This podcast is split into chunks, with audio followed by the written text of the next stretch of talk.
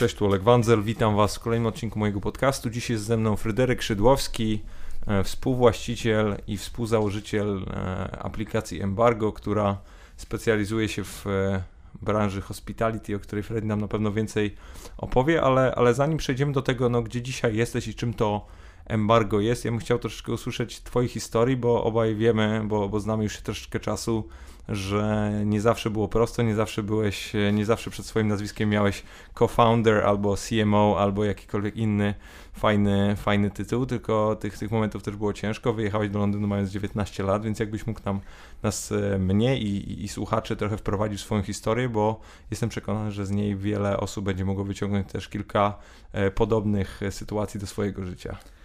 Witam, witam. Jak zwykle super Cię widzieć, Olek. Cieszę się, że możemy sobie tutaj porozmawiać o różnych naszych przeżyciach. Tak jak powiedziałeś, no, znamy się od, od iluś lat. właściwie to, kiedy, tak, tak jak kiedyś sobie zawsze mówiliśmy, e, poznaliśmy się jeszcze za naszych poprzednich żyć, tak, tak, e, kiedy tak. oboje byliśmy sportowcami. E, ja akurat w kosza, ty w nogę, ale, ale myślę, że Ty mimo wszystko jest... trochę lepszym skutkiem. no, myślę, że oboje, oboje to, co trzeba było, zrobiliśmy. Nauczyliśmy się pewnych wielu rzeczy i ja zawsze mówię, no na pewno te ileś lat, które, które spędziłem e, w sporcie, no ukształtowały um, i, i, i pomogły, myślę, że przezwyciężyć, ale też no, no przeżyć w różnych sytuacjach. A tak jak mówiłeś, e, no nie, nie zawsze było kolorowo. Decyzja o, o w ogóle wyjeździe z Polski była zaraz po tym, jak e, tutaj rozwiązałem swój ostatni kontrakt e, w w Ekstraklasie w kosza. Miałem wtedy e, 19 lat już skończone. I właściwie można powiedzieć, że z tygodnia na tydzień zdecydowałem, że chcę wyjechać. Nie jestem już e, uziemiony poprzez jakiś kontrakt sportowy czy cokolwiek. E, czas poznać troszeczkę więcej świata i z drugiej strony takie miałem się, kurczę, mam 19 lat, kiedy, kiedy jak, nie, jak nie wtedy. Um, I no i wyjechałem, przygotowałem się gdzieś tam do tego troszeczkę. Wyjechałem w styczniu 2013, czyli zaraz będziemy mieli 6 lat właściwie. I wyjechałem dosłownie z mapą w ręku. Nigdy wcześniej w Londynie nie byłem, co ciekawe. Z, z myślą w sumie, żeby przeżyć fajną przygodę, żeby nauczyć się dużo, żeby e, nabrać jakiejś inspiracji i przede wszystkim pozwolić sobie rzucić się na głęboką wodę, gdzie E, może nie jest łatwo, ale z drugiej strony takie możliwości są prawie że nieograniczone. Nie ukrywam, że wtedy troszeczkę w Polsce miałem problem, że e, może to była kwestia jakiegoś tego, co miałem w głowie, ale czułem się nieco taki ograniczony, taki, że potrzebowałem zmiany i, i, i tą zmianę i, i zarąbiste miejsce znalazłem właśnie w Londynie. E, zacząłem e, od dosłownie znalezienia swojego miejsca, od spania na kanapie, u znajom, u rodziny, znajomych, e, w ogóle totalnie ludzi, których nigdy nie znałem, którzy przyjęli mnie niesamowicie ciepło, pozwolili mi spać przez bodajże trzy tygodnie na ich kanapie w salonie, w ich malutkim mieszkanku. A dzieliłem to mieszkanie z nimi, z ich dwójką dzieci, zwierzakami i tak dalej. Było niesamowicie To jest też w ogóle miło. londyńska domena, że te mieszkania wszystkie są małe. E, tak, tak, ale, ale powiem Ci, że wtedy jakby to było to było piękne miejsce, do którego czasami jeszcze wracam, bo ci Państwo okazali mi tyle uprzejmości, co naprawdę e, no, no nie mógłbym nawet pomarzyć o tym. I, I zaczęła się moja przygoda, dosłownie od zostawienia swoich bagaży w, u nich w mieszkaniu i ruszenia w załatwianiu najpierw podstawowych rzeczy, takie jak konto w banku, w ogóle zarejestrowania się, że tam jestem, pozwolenia jakieś o, o pracę, no to było to totalnie komiczne, ponieważ ja dosłownie no, kilka godzin wcześniej wylądowałem w Londynie um, i, i, i, tak się zaczęła ta przygoda. Um, i wciąż pamiętam ten dzień, jak wszedłem do banku i, i powiedziałem, że chcę założyć konta i pojawiły, pojawiły się wszystkie te takie te ciężkie pytania, bo było jak długo już mieszkam w Londynie, jaki mam adres, ile zarabiam i takie różne inne tematy. Oczywiście odpowiedzi były bardzo krótkie i zwięzłe, e, że przyleciałem dopiero co i że, i że adres to mam, ale przejściowy, tymczasowy, a zarabiać jeszcze nie zarabiam. E, no, odesłali, chcieli mi odesłać z kwitkiem I, e, ale na szczęście po godzinie wyszedłem już z kontem, z kartą, z kontem oszczędnościowym nawet. To pamiętam, była jedna z ciekawszych moich godzinnych rozmów e, z menadżerem banku, który uwierzył mi, że warto mi to konto dać. E, ja do dzisiaj, jak sobie na to patrzę, to mam wrażenie, że, że w jakiś w ogóle miałem inny mindset w ogóle myślenia o problemach. I, i, i się zaczęło poszukiwanie mieszkania, pracy. Dostałem na początku, zaczęła się moja przygoda od taka już bardziej zawodowa od stażu w GMR Marketing Group, a była to wcześniej chyba największa agencja marketingu sportowego na świecie. Oni mieli wizę, czyli, czyli naturalnie e, jakby serwisowali całe e, Igrzyska Olimpijskie, e, Heinekena, Sony, PlayStation, właściwie wszystkie największe marki. Ja akurat trafiłem na kilkutygodniowy projekt związany z London Fashion Week, ponieważ wtedy Canon był ich sponsorem. Było to mega fajne doświadczenie, dwa tygodnie nie spania, tylko zasuwania od rana do nocy, ale szczerze mówiąc, było to totalne spełnienie marzeń. Pamiętam, że, że, że to w ogóle nie wiedziałem, jak to się je. Byłem zajarany tym, że jestem w centrum Londynu, że działam z ludźmi, że jestem na Fashion Weeku, że, że, że gdzieś tam się udało to załapać, ale wiedziałem też, że muszę szukać innej pracy, bo wiadomo, to jest takie troszkę projektowe, chwilowe. Dla mnie takim chyba największym celem na, na tamten moment, takim wyzwaniem było jakby być w stanie od razu, i to tak zrobiłem jeszcze w ciemno, powiedziałem rodzicom, że ja wyjeżdżam, e, potrzebuję jakieś tam pierwsze, e, jakieś tam mało, małą ilość na, na w ogóle przeżycie, żeby dać sobie gdzieś tam z miesiąc czasu na znalezienie pracy, ogarnięcia się, a potem chcę żyć sam, chcę stać się jakby niezależną osobą finansowo, życiowo um, i, i, jakby rozwijać się. Mentalnie pewnie też, nie? Bo to jest mimo wszystko zawsze ten powiedzmy aspekt jakieś przecięcia tej pępowiny gdzieś zawsze następuje. No może nie jest to zazwyczaj aż tak drastyczne, E, że wylatujesz do innego państwa bez kompletnie żadnej znajomości, czy, e, czy jakichkolwiek, no, tak naprawdę przygotowanego planu, no bo to też, tak. E, co, co mi się rzuciło w oczy, jak, jak tę twoją podróż gdzieś obserwowałem, bo tak jak wspomniałeś, znamy się już trochę czasu, od, od tych paru lat jesteśmy w bardzo bliskim kontakcie, to jak, jak, jak sobie przypomnę ten, ten, ten moment, no to ta, ta historia y, tak zawsze mi się gdzieś y, klarowała, no jako mimo taki, wiesz, idealny, typowy przykład, wręcz bym powiedział filmowy, gdzie ktoś, wiesz, wyjeżdża z jakiejś małej miejscowości w Stanach Zjednoczonych do Nowego Jorku, przyjeżdża z tą walizką, staje na tym Times Square i nie ma pojęcia, co ze sobą zrobić. I, i trochę jak pamiętam, jak żeśmy razem rozmawiali, to dokładnie tak to wyglądało. Ty byłeś totalnie przytłoczony tym miastem, e, a z drugiej strony mega, wiesz, zajarany, zajarany tak. że, że to wszystko się tam dzieje i teraz, wiesz, mogę wszystko, ale z drugiej strony jeszcze nie mam pojęcia jak i, i jest takie, wiesz, e, euforia z paniką, super jakieś tam, wiesz, wahanie nastrojów cały czas. I, i tak y, mam takie, takie, takie pytanie do Ciebie, właśnie przemyślenie. Y, jak ty sobie z tym poradziłeś? No bo y, pewnie mogłeś albo w jedną, albo w drugą pójść, nie? Albo mogło się faktycznie udać i, i, i no gdzieś finalnie na pewno tak jest, skoro, skoro rozmawiamy i, i raczej masz uśmiech na ustach. No, ale, ale mogłeś też y, kompletnie zaginąć w tym mieście, jak na pewno wiele osób y, y, tak kończy i pytanie, w jaki sposób nie zaginąć? Szczerze mówiąc, tak na to teraz patrzę, tak nie, na, na, co dzień się na tym nie zastanawiam generalnie, bo, bo do usług. trzeba, trzeba gdzieś tam tak jest, trzeba dążyć cały czas do przodu, ale y, szczerze mówiąc byłem po prostu na tyle chyba głupi i szalony, że nawet nie dochodziło do mnie, że może się nie udać.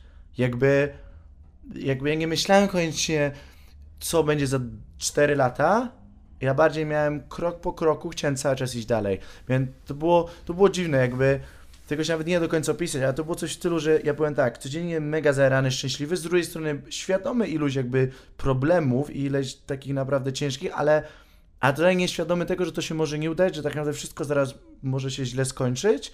Ja po prostu szedłem przed siebie i to było dzień w dzień, po prostu chciałem zrobić coś więcej, posunąć się do przodu a zarazem jakby mega chłonąć te, te, to miasto, te możliwości, te zakątki, tych ludzi, jakby na każdym kroku. To było coś takiego, że tak jak mówisz, ja akurat swoje pierwsze spotkanie, pierwszego dnia jak wylądowałem, e, miałem właśnie na Leicester Square, który jest takim powiedzmy centrum, takim troszeczkę londyńską wersją ta, e, Times Square i, i od tego się zaczęło i po spotkaniu tacy ludzie, którymi właśnie miałem taką rozmowę, wstępną taką troszkę nieoficjalną, czy może gdzieś mógłbym pomóc w tym, tej agencji marketingowej, to, to mi powiedzieli, słuchaj, w, te, w tę stronę jest Chinatown, w tę stronę Soho, tutaj Mayfair, tutaj to.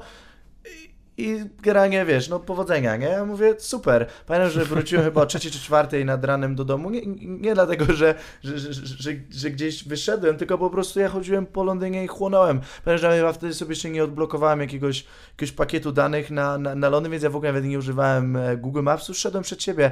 I ja do dzisiaj jeszcze czasami, jak chodzę po Londynie, wpadam w jakieś miejsce, mówię, wydaje mi się, że tamtej nocy tam byłem, bo ja wtedy tak nieświadomie tam chodziłem, więc e, tak, tak, no było to, wydaje mi się, że może to jest troszeczkę takie trywialne e, i trochę już użyte ten słynny gdzieś tam cytat Jobsa, który mówi, że, no, że ludzie, którzy są na tyle szaleni czy głupi, żeby, że myślą, że mogą zmienić świat, są tymi ludźmi, którzy go, którzy go faktycznie zmieniają.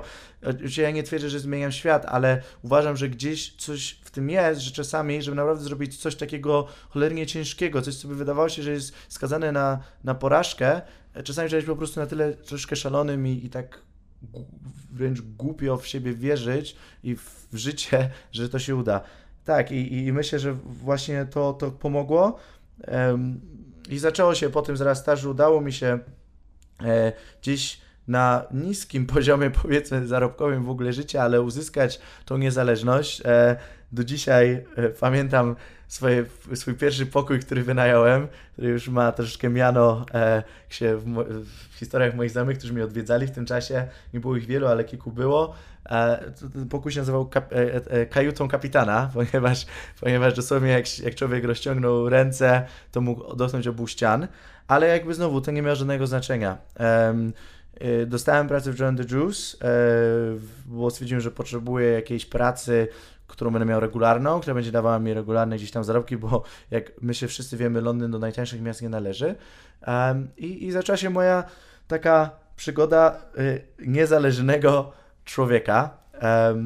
I w John the Juice było to znowu pewne chyba, nie wiem, szczęście, a może szczęście po prostu sprzyja ludziom, którzy gdzieś tam działają i, i, i, i jakby się nie zatrzymują, bo tak do tego podchodziłem. Trafiłem na niesamowitych ludzi. Poznałem od, od właścicieli tego te, te, te, teraz już potężnego biznesu w ogóle międzynarodowego, um, który furory też w Stanach robi, jak pewnie wiesz Olek, um, po też ludzi, którzy tam przychodzili. W ogóle w ramach dygresji to wszystkim polecamy. Tutaj jak y, będziecie tak. mieli kiedykolwiek okazję pobyć w Londynie, to to jest stanowczo miejsce, gdzie, gdzie warto pójść, żeby w ogóle poczuć, y, poczuć klimat y, taki wielkomiejski, bo, bo i ludzie, jakich się tam spotyka i sam, e, samo miejsce nie jest stanowczo typowe dla każdej osoby, która gdzieś też w Polsce jest przyzwyczajona do raczej nieuśmiechających się, szarych e, osób, czy, czy do miejsc, gdzie, gdzie nie, nie gra muzyka, albo wszystkie są jakieś takie tak. bardzo mocno sztampowe, to, to jest definitywnie miejsce, które warto odwiedzić, tak żeby w ogóle nawet zmienić sobie troszkę punkt punkt widzenia. Ja myślę też warto sobie poczytać, bo strasznie fajny business case człowieka, który sobie stworzył w, w Kopenhadze swój taki mały sklepik z sokami i kawą, bo miał, bo się zara, za, zajarał się Star, Starbucksem, ale stwierdził, że Starbucks jest spoko, podoba mu się, że jest vibe, że jednak przeniesienie wtedy w pierwszych latach gdzieś tam kawiarni w taki w coś więcej niż tylko przyjście po kawę, a on to jeszcze wrzucił na kolejny poziom. Zresztą on był taką moją pierwszą gdzieś tam inspiracją w ogóle biznesową. Jest taki filmik gdzieś nawet jeszcze chyba online, opowiedział coś ciekawego, że e, o on powiedział tak, dla niego są sklepy, jakieś kawiarnie, sklepy z sokami i tak dalej, wyciskanymi, to są, to oni widzi wszystkie jako takie jako takie zwykły kościół, do którego idziesz się pomodlić, jeżeli ktoś jest wierzący, tak? Jakby on taką dał porównanie on chce, żeby John the Juice było, było takim gospel church. Do miejsca, gdzie idziesz nie tylko do tych takich oczywistych celów, tak? W formie kawiarni, wypicia kawy, w, e, w, sytuacji tutaj kościoła, pomodlenia się, ale idziesz dla rozrywki, dla pewnego przeżycia, dla tego experience. I, i to właśnie słowo experience gdzieś tam wtedy mi bardzo pozostało. E, I ja się pracując tam, ja się tak w ogóle tym konceptem zajarałem ludźmi, którzy to prowadzili, że pamiętam, to też było znowu moja totalna w ogóle głupota, można powiedzieć, aczkolwiek e, słuszna, było to, że ja po miesiącu, kiedy w ogóle wszedłem pierwszy taki trening, napisałem maila do, do dyrektora e, na całego tam, na cały UK i mówię, e, mega mi się podoba brand, super sprawa, fajny biznes, ale mam mnóstwo pomysłów, które mogłyby sprawić, że to, że to w ogóle ten biznes będzie na innym poziomie. I jak się ze mną nie spotkasz, to generalnie popełnisz duży błąd. Ja gdzieś tego maila jeszcze mam. Um, i, ja wtedy, ja czułem... I odpisał ci, thank you, but no thank you. No właśnie, co ciekawe, gość chyba myślę, że się uśmiechnął do siebie i powiedział, wiesz co, no, trochę mnie uśmieszył twój e-mail, ale, ale w sumie zaciekawił, więc spotkajmy się. Ale on był akurat gościem, który też był przy, przy rekrutacji mojej, gdzieś tam, bo w ogóle całe tam proces wybierania ludzi tam pracujących był dosyć ciekawy, ale to jest w ogóle rozmowa na inny temat, na, na, na inną okazję. Um, tym niemniej, no, spotkaliśmy się, zacząłem opowiadać o swoich pomysłach i, i to znowu też było kolejny takie moment, kiedy ja tak czułem, że tak naprawdę, kurde, jakby co my mamy do stracenia? Jakby najwyżej nam ktoś powie, spadaj na drzewo, ale czy to jest tak naprawdę koniec świata? No nie.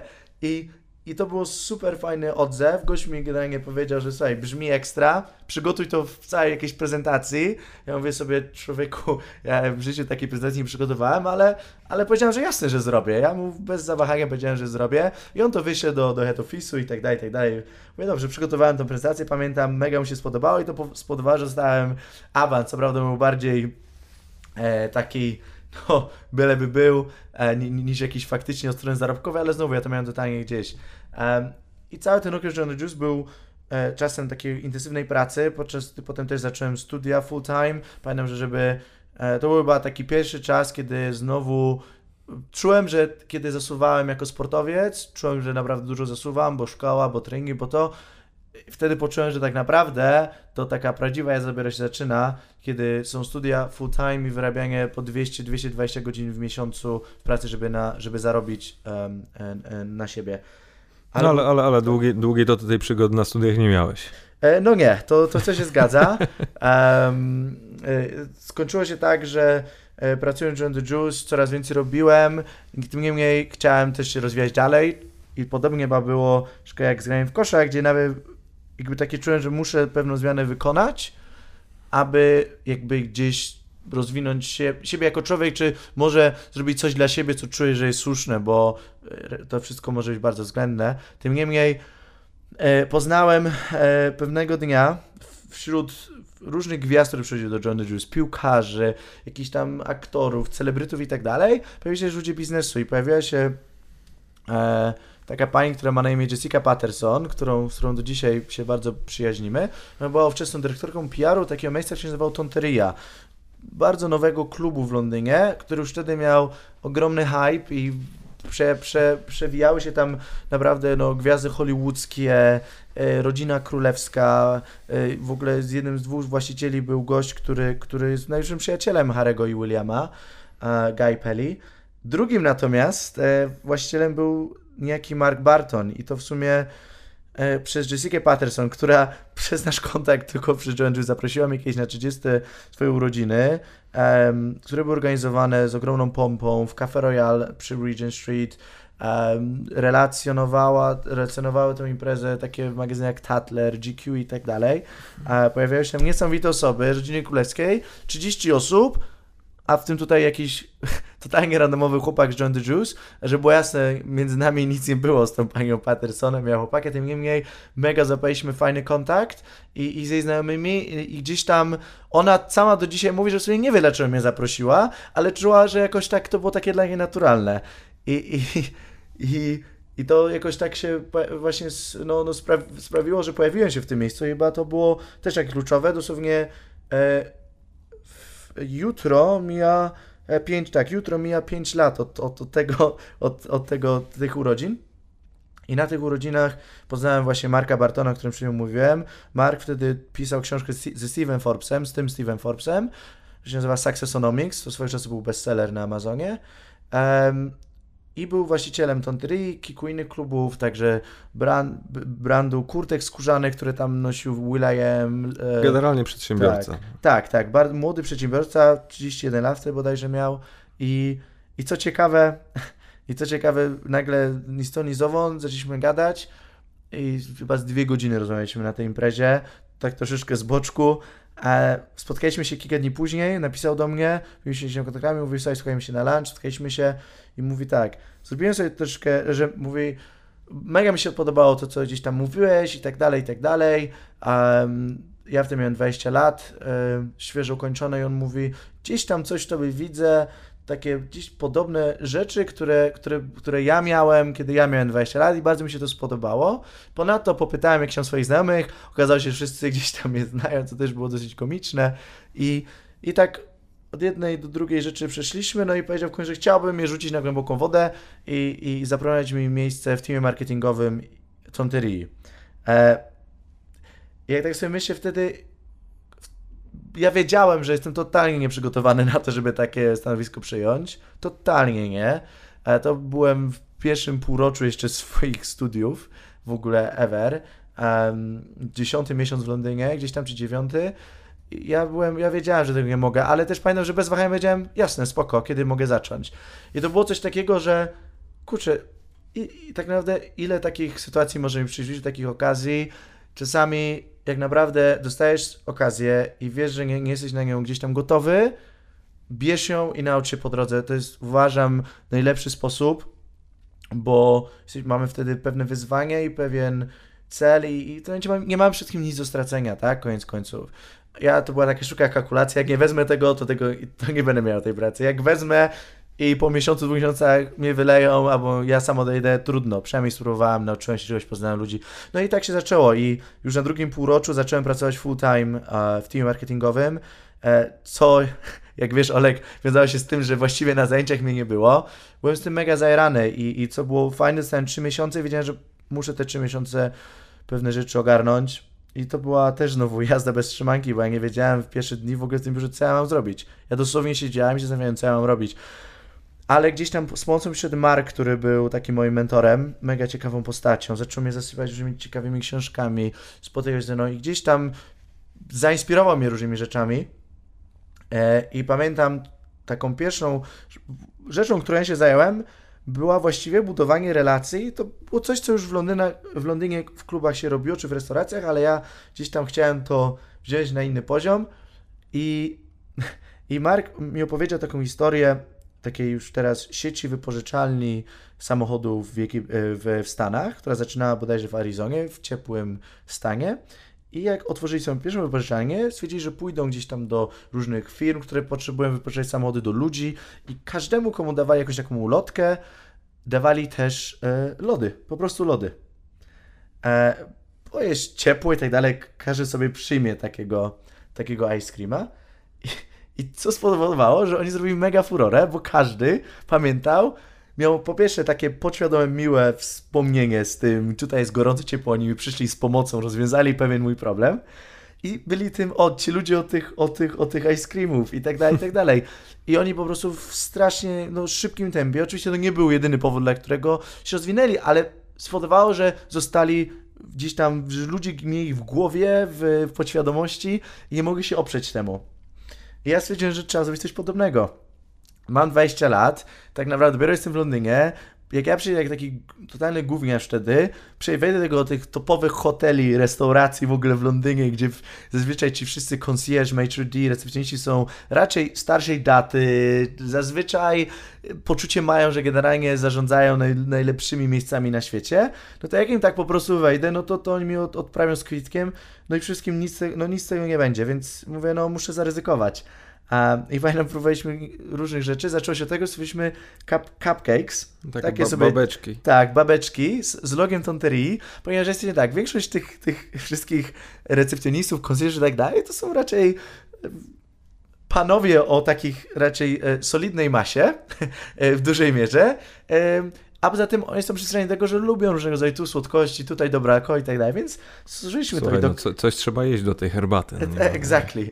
E, także dosłownie ja brałem pod pachę te pudełka, te cupcakes i szedłem ubrany w garnitur gdzieś tam e, i szedłem z, swoimi wizytówkami i zacząłem budować z nimi relacje. I to w sumie dało mi taką pierwszą trampolinę do tego, że nagle byłem takim docelowym gdzieś tam y, numerem telefonu, kiedy pojawiali się jacyś miliarderzy, gwiazdy w tych hotelach, no bo teraz to była prosta myśl.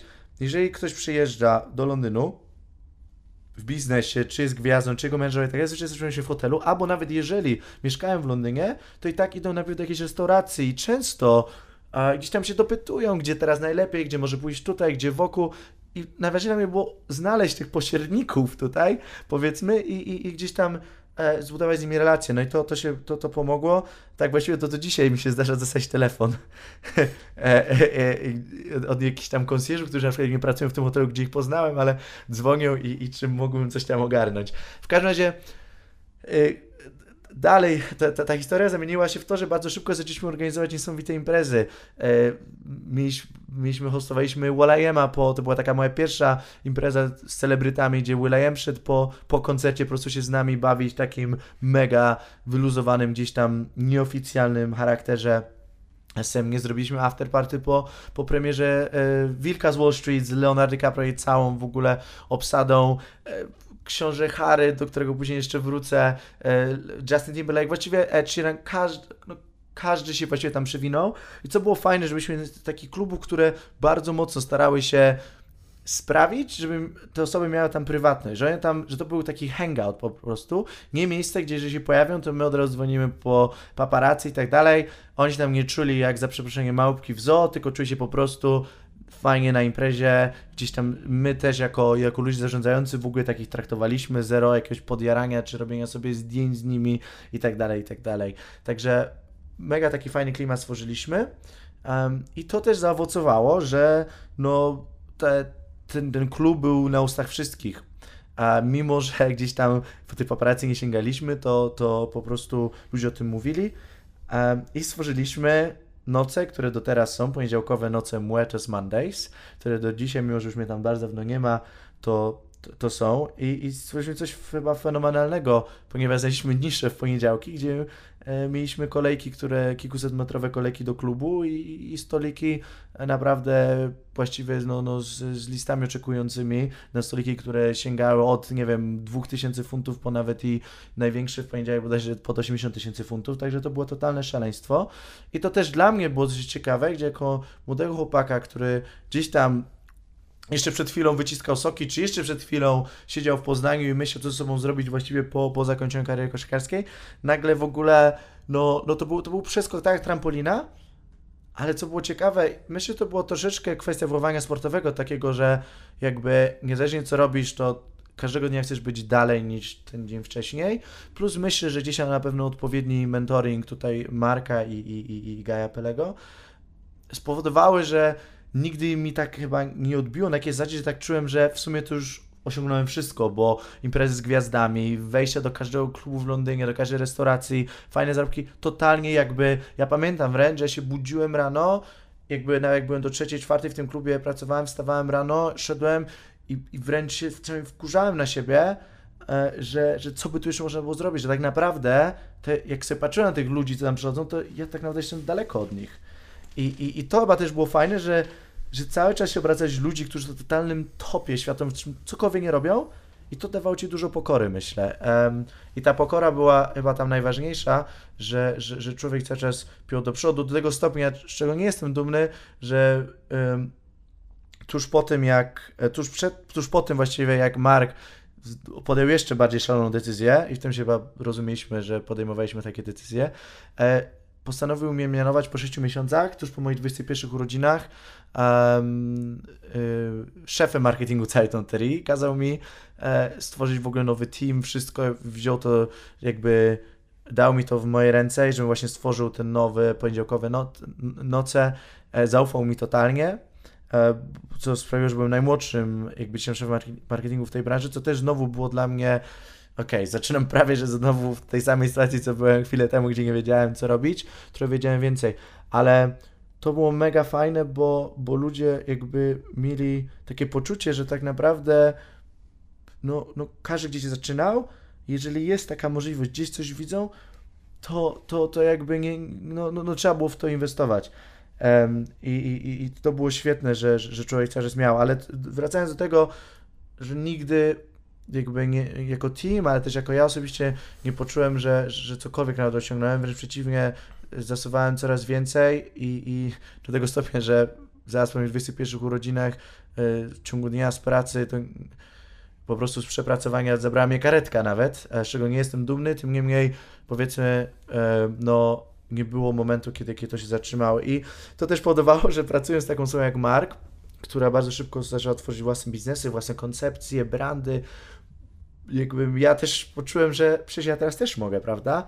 Jakby, I zacząłem gdzieś sobie e, tak na boku już pracować nad własnym brandem, ale to też znowu pracowałem z ciekawymi ludźmi i myślę, że znowu to się zaczęło z przyjaciółmi, z Magdą Dudarską i Jędrzejem Guzikiem, e, których znałem jeszcze z czasu w ogóle Poznania i, i stworzyliśmy no, pierwszy nasz właściwie własny biznes, własny projekt. I na początku było po prostu, słuchajcie, to co, to może zrobimy jakąś markę ciuchów.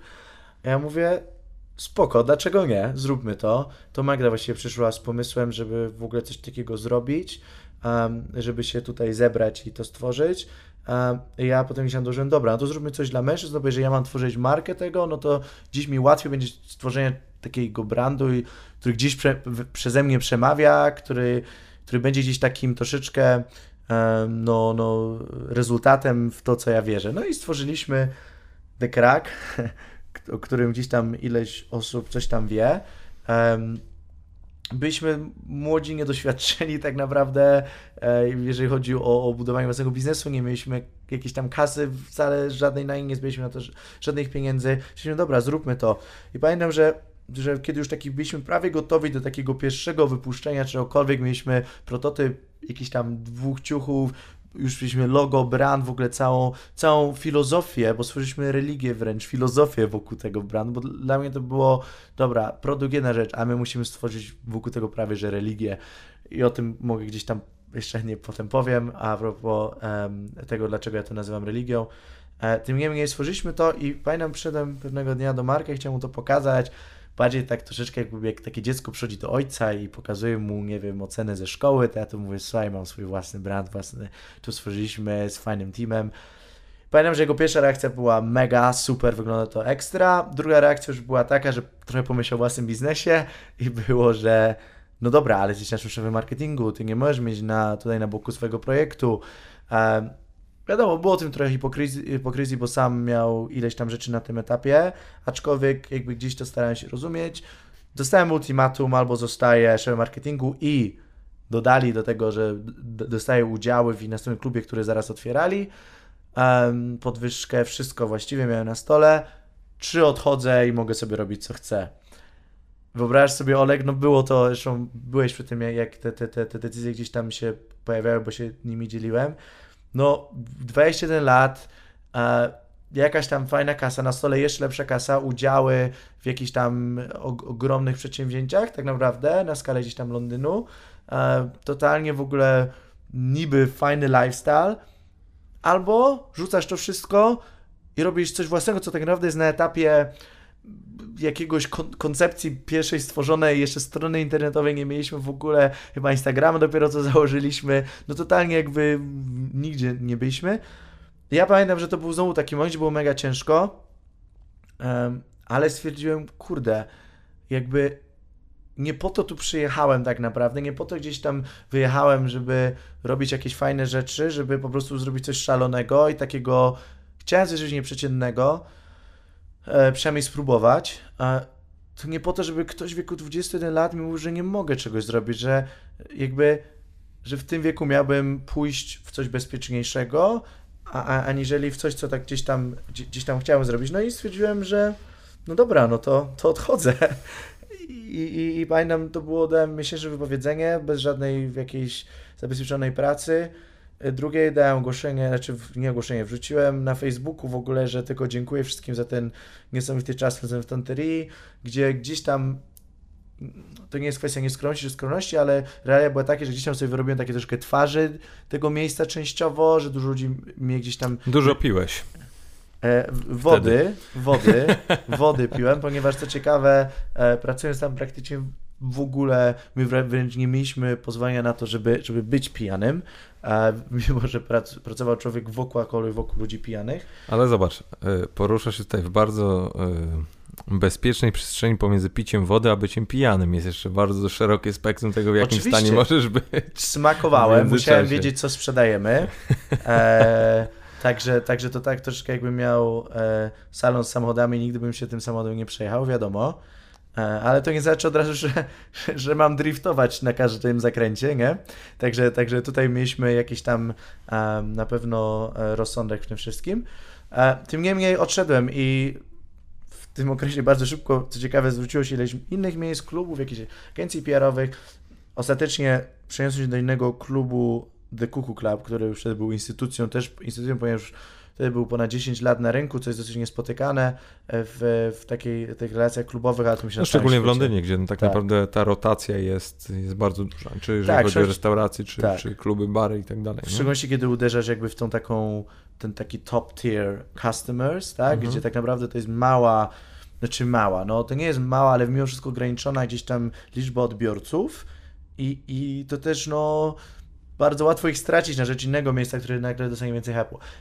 W tym niemniej, wracając, um, oni dostałem propozycję, że zostaję też szefem marketingu i tak dalej, ale mam totalną dowolność na tworzenie, co chcę i w ogóle też całe życie będę im wdzięczny za tą współpracę. Dwa lata tam spędzone.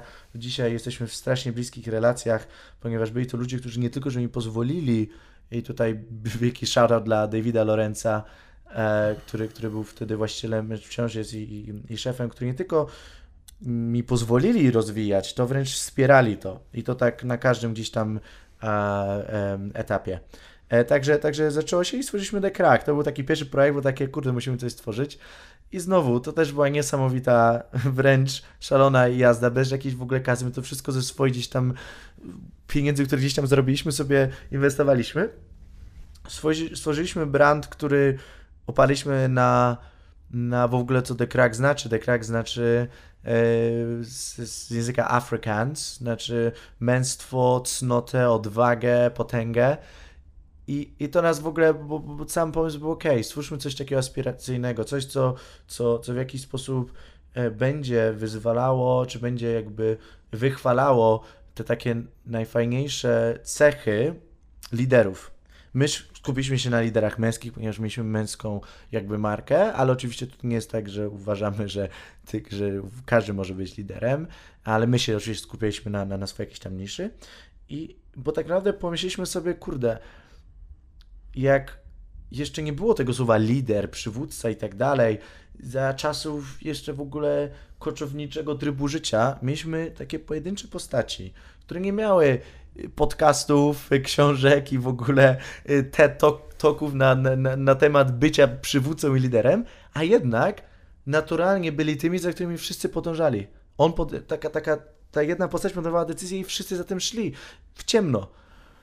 I na przestrzeni wieków to, to, to, to byli filozofowie greccy, herosi, y, przywódcy, królowie, władcy, naukowcy w obecnych czasach, influencerzy, celebryci, przedsiębiorcy, politycy, wszyscy ludzie, którzy w jakiś sposób sprawiają, że inni podążają, zmieniają ten świat, posuwają go w jakiś sposób dalej, mają coś w sobie. I my stwierdziliśmy, że o ile pewne rzeczy można wyrobić, to jest taki pewien instynkt, który się niektórzy rodzą, i my go nazwaliśmy The Crack. Coś takiego, co rozwijasz mniej lub bardziej, ale to jest to, co, co cię naprawdę popycha. Masz takie poczucie, że chcesz dojść do takich granic i zawsze zrobić jeszcze krok dalej.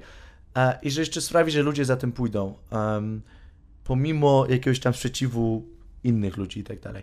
I stworzyliśmy ten, to, ten, ten, ten brand. E, pojawiliśmy się w takim troszeczkę takim guerrilla happening, guerrilla marketing happening na London Fashion Week, gdzie po prostu weszliśmy tam, mieliśmy ludzi w maskach e, e, lwów, modeli pobieranych, nagle w ogóle gdzieś tam gdzieś się zebrał tłum, bo nagle wiedzieli, co tam się w ogóle dzieje, nikt nie wiedział, ci organizatorzy e, przed samym budynkiem, gdzie Fashion Week się odbywał, gdzie wjeżdżały wszyscy celebryci, blogerzy, tu ludzie, nie wiedzieli, że to jest część jakiegoś pokazu, czy to mają reagować, czy nie, to była tylna konsternacja. My zaprosiliśmy mnóstwo też znajomych, którzy mieli w ogóle pozakładane jakieś maski i tak dalej. Nagle y, z, z tłumu się wyłaniał gość, który nagle grał na gitarze, in, inna dziewczyna, która robiła pokaz ogni i to wszystko przy pokazie naszym mody. Chcieliśmy, że chcemy być na Fashion Week, to będziemy. I po prostu się pojawiliśmy, taki był nasz launch marki. Zatrzymało to cały Fashion Week, pamiętam, to był 20 1 luty 2015. Dobrze mówię? Tak, dobrze mówię. E, I, i właściwie jakby tak, tylko chcieliśmy się pojawić, że jesteśmy z marką. My, my w ogóle wtedy jeszcze nie mieliśmy gotowej kolekcji, nic, tylko po prostu Instagrama i chcieliśmy ludzi, żeby zrobić jakiś baz. I potem daliśmy sobie pół roku, w czasie, kiedy każdy z nas miał jakieś tam, Magda, Jędrzej, ja mieliśmy jakiś tam swój własny full-time jobs, to tworzyliśmy to na, na gdzieś z boku i w międzyczasie też e, nawiązaliśmy kontakt e, z takim fotografem, który się nazywa Thomas Knights. Jak sobie go wygooglujecie, on ma taki słynny projekt Red Hot, ponieważ w Wielkiej Brytanii od, od lat panuje taki duży problem, że jest dużo takiego jakby prześladowania na, na etapie gdzieś tam e, dzieci, szkół i tak dalej, ludzi, którzy mają rude włosy.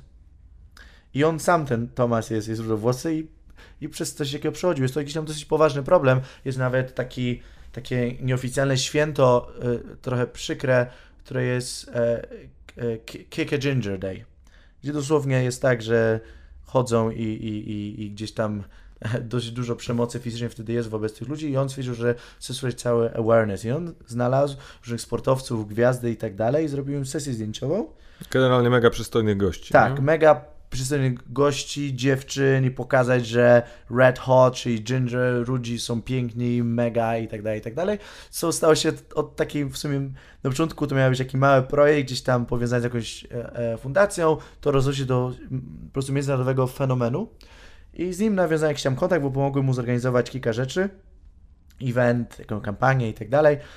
I zrobił naszą, naszą kampanię, też e, naszą pierwszą sesję taką prawdziwą, zdjęciową dla The Crack, dla, dla, naszej, dla naszej sesji. Wykorzystaliśmy kilku modeli właśnie z jego też gdzieś tam projektu, którzy byli no, ogromnymi gdzieś tam influencerami, znanymi modelami. W tym Kena Becka, którego zresztą oboje, oboje znamy, który jest uważany za najbardziej znanego e, modela rudego na świecie. No i, i, i w sumie to znowu było tak, że my tak zróbmy coś fajnego. Nie mamy za bardzo na to tak aż tyle żadnej kasy ani nic, nie mamy doświadczenia, ale zróbmy to. I pamiętam, że yy, ogarniliśmy studio po jakichś znajomościach, zebraliśmy na jakieś takie malutkie pieniądze, gdzieś sobie wyskrobaliśmy z własnej kieszeni i, i zrobiliśmy sesję, którą ludzie jak patrzyli, to byli pewni, że to był budżet między i to dosłownie mam gdzieś tam maile od ludzi, którzy gdzieś tam w tym siedzą, co uważali, że to jest między 50 a 100 tysięcy funtów minimum na to wydanie. No ale wiesz, ale z drugiej strony jakbyś faktycznie zebrał fee tych wszystkich ludzi, których gdzieś tam zaangażowałeś przez no tak. jakieś relacje, czy przez przypadek, czy przez to, że po prostu akurat w danym momencie ich jakoś tam do siebie przekonałeś, no to pewnie takie e, tyle byś realnie musiał wydać, gdybyś chciał to zrobić w normalnych innych warunkach. Ale, ale wiesz, no ja mam też takie wrażenie, jak sobie na to wszystko patrzę, że yy, wokół tej całej twojej historii było strasznie dużo szczęścia, ale takiego w takim jakby pozytywnym tego słowa znaczeniu, no bo e, bardzo wielu osobom, czy nam wszystkim się przydarza, przydarzają rzeczy i, i to tak naprawdę od nas zależy, w jaki sposób my do nich podejdziemy. Ja jestem przekonany o tym, że, że szczęściu trzeba pomóc i jeżeli byłby ktoś inny może na tym miejscu, to mógłby zareagować kompletnie inaczej, ale e, zastanawiam się nad tym, jak też tak ciebie słucham, e, to, to Myślę sobie, z czego wynikało też to, że miałeś aż tak dużą skłonność do podejmowania ryzyka, bo mimo wszystko są to rzeczy nieoczywiste. Mm, e, mówisz o, o, o jakiejś marce modowej, no, która szczególnie jeszcze w Londynie, gdzie no, konkurencję masz ogromną, e, większość e, tej części świata ubiera się poprzez via trendy właśnie londyńskie czy paryskie i, i w ogóle z jakimś tego typu marką przebić się jest, jest potwornie ciężko I, i też wydaje mi się, że, że finalnie to, to też nie wiem, nie, nie, gadaliśmy nigdy o tym, ale jestem ciekawy, czy ty z perspektywy tego projektu patrzysz, że to jest e, bo na pewno to, że to jest dobra decyzja, jestem tym przekonany, ale e, czy uważasz, że ci się to udało, czy ci się to nie udało? No bo świata powiedzmy z tą marką nie podbiłeś, na pewno swoje doświadczenie masz ogromne. Mm, i pomogło ci to pewnie w dalszych jakichś biznesach, i, ale zastanawiam się, jak ty na to dzisiaj patrzysz, no bo mhm. z jednej strony było tona zajebistych historii, tak jak właśnie z Kenem, czy, czy z tym London Fashion Week i różnego rodzaju innymi historiami, no ale z drugiej strony nie jesteś Michaelem Korsem, nie? Tak, znaczy się, bo w ogóle tak... Um, super pytanie, bo ja w ogóle, ja uważam, że to pod względem biznesowym, to w ogóle jakby, to, to w ogóle jak, my to totalnie źle zrobiliśmy. I jakby to, to na pewno nie był żaden sukces jakby taki finansowy czy biznesowy, ale co ciekawe, jakby iluś ludzi tam w ogóle mówi, o co ty w ogóle odwalasz, mogłeś tutaj zostać, mogłeś zrobić to, mogłeś zrobić tamto, ale to było troszeczkę takie, taka sama decyzja, jakie, to ja widzę w swoim życiu taki troszeczkę krótkim taki paterny. I to było tak samo, kiedy, kiedy ja e, byłem, kończyłem gimnazjum i, i dostałem się gdzieś tam troszkę mimowolnie do takiej w sumie naszej najlepszej szkoły międzynarodowej w Poznaniu, ale tak samo grałem wtedy jeszcze w kosza. I o ile wszyscy nauczyciele, bo gdzieś tam miałem to szczęście, że w miarę łatwo mi przychodziły jakaś tam nauka, e, i wszyscy mi, no słuchaj, z pierwszego miejsca się dostałeś do tej szkoły międzynarodowej, tam ludzie walczą o to i tak dalej, i tak dalej. Y, idź, idź, idź, koniecznie idź. A ja mówię, ale ja kocham grać w kosza, to była moja pasja, to było coś, czym się rozwijałem, to było dla mnie wyzwanie, to było coś, czym ja żyłem, to było coś, co w jakiś sposób przeze mnie przemawiało. I ja w tym momencie powiedziałem, sorry, nie, dajcie to miejsce komuś innemu, ja pójdę do dobrej szkoły, ale do szkoły takiej, w sensie poszedłem do, do, do normalnie publicznej, jednej z lepszych szkół gdzieś tam wtedy w Poznaniu, tym niemniej y, w, w, w, kwestii IB nie mogłem dostać indywidualnego toku nauczania, bo nie mogłem dostosować troszeczkę swoich lekcji do, do trenowania, czasami nawet dwa razy dziennie. Tym niemniej, a, a w dwójce w, w Poznaniu, też dzięki pani dyrektor, e, udało się zrobić tak, że pewne rzeczy dostosować.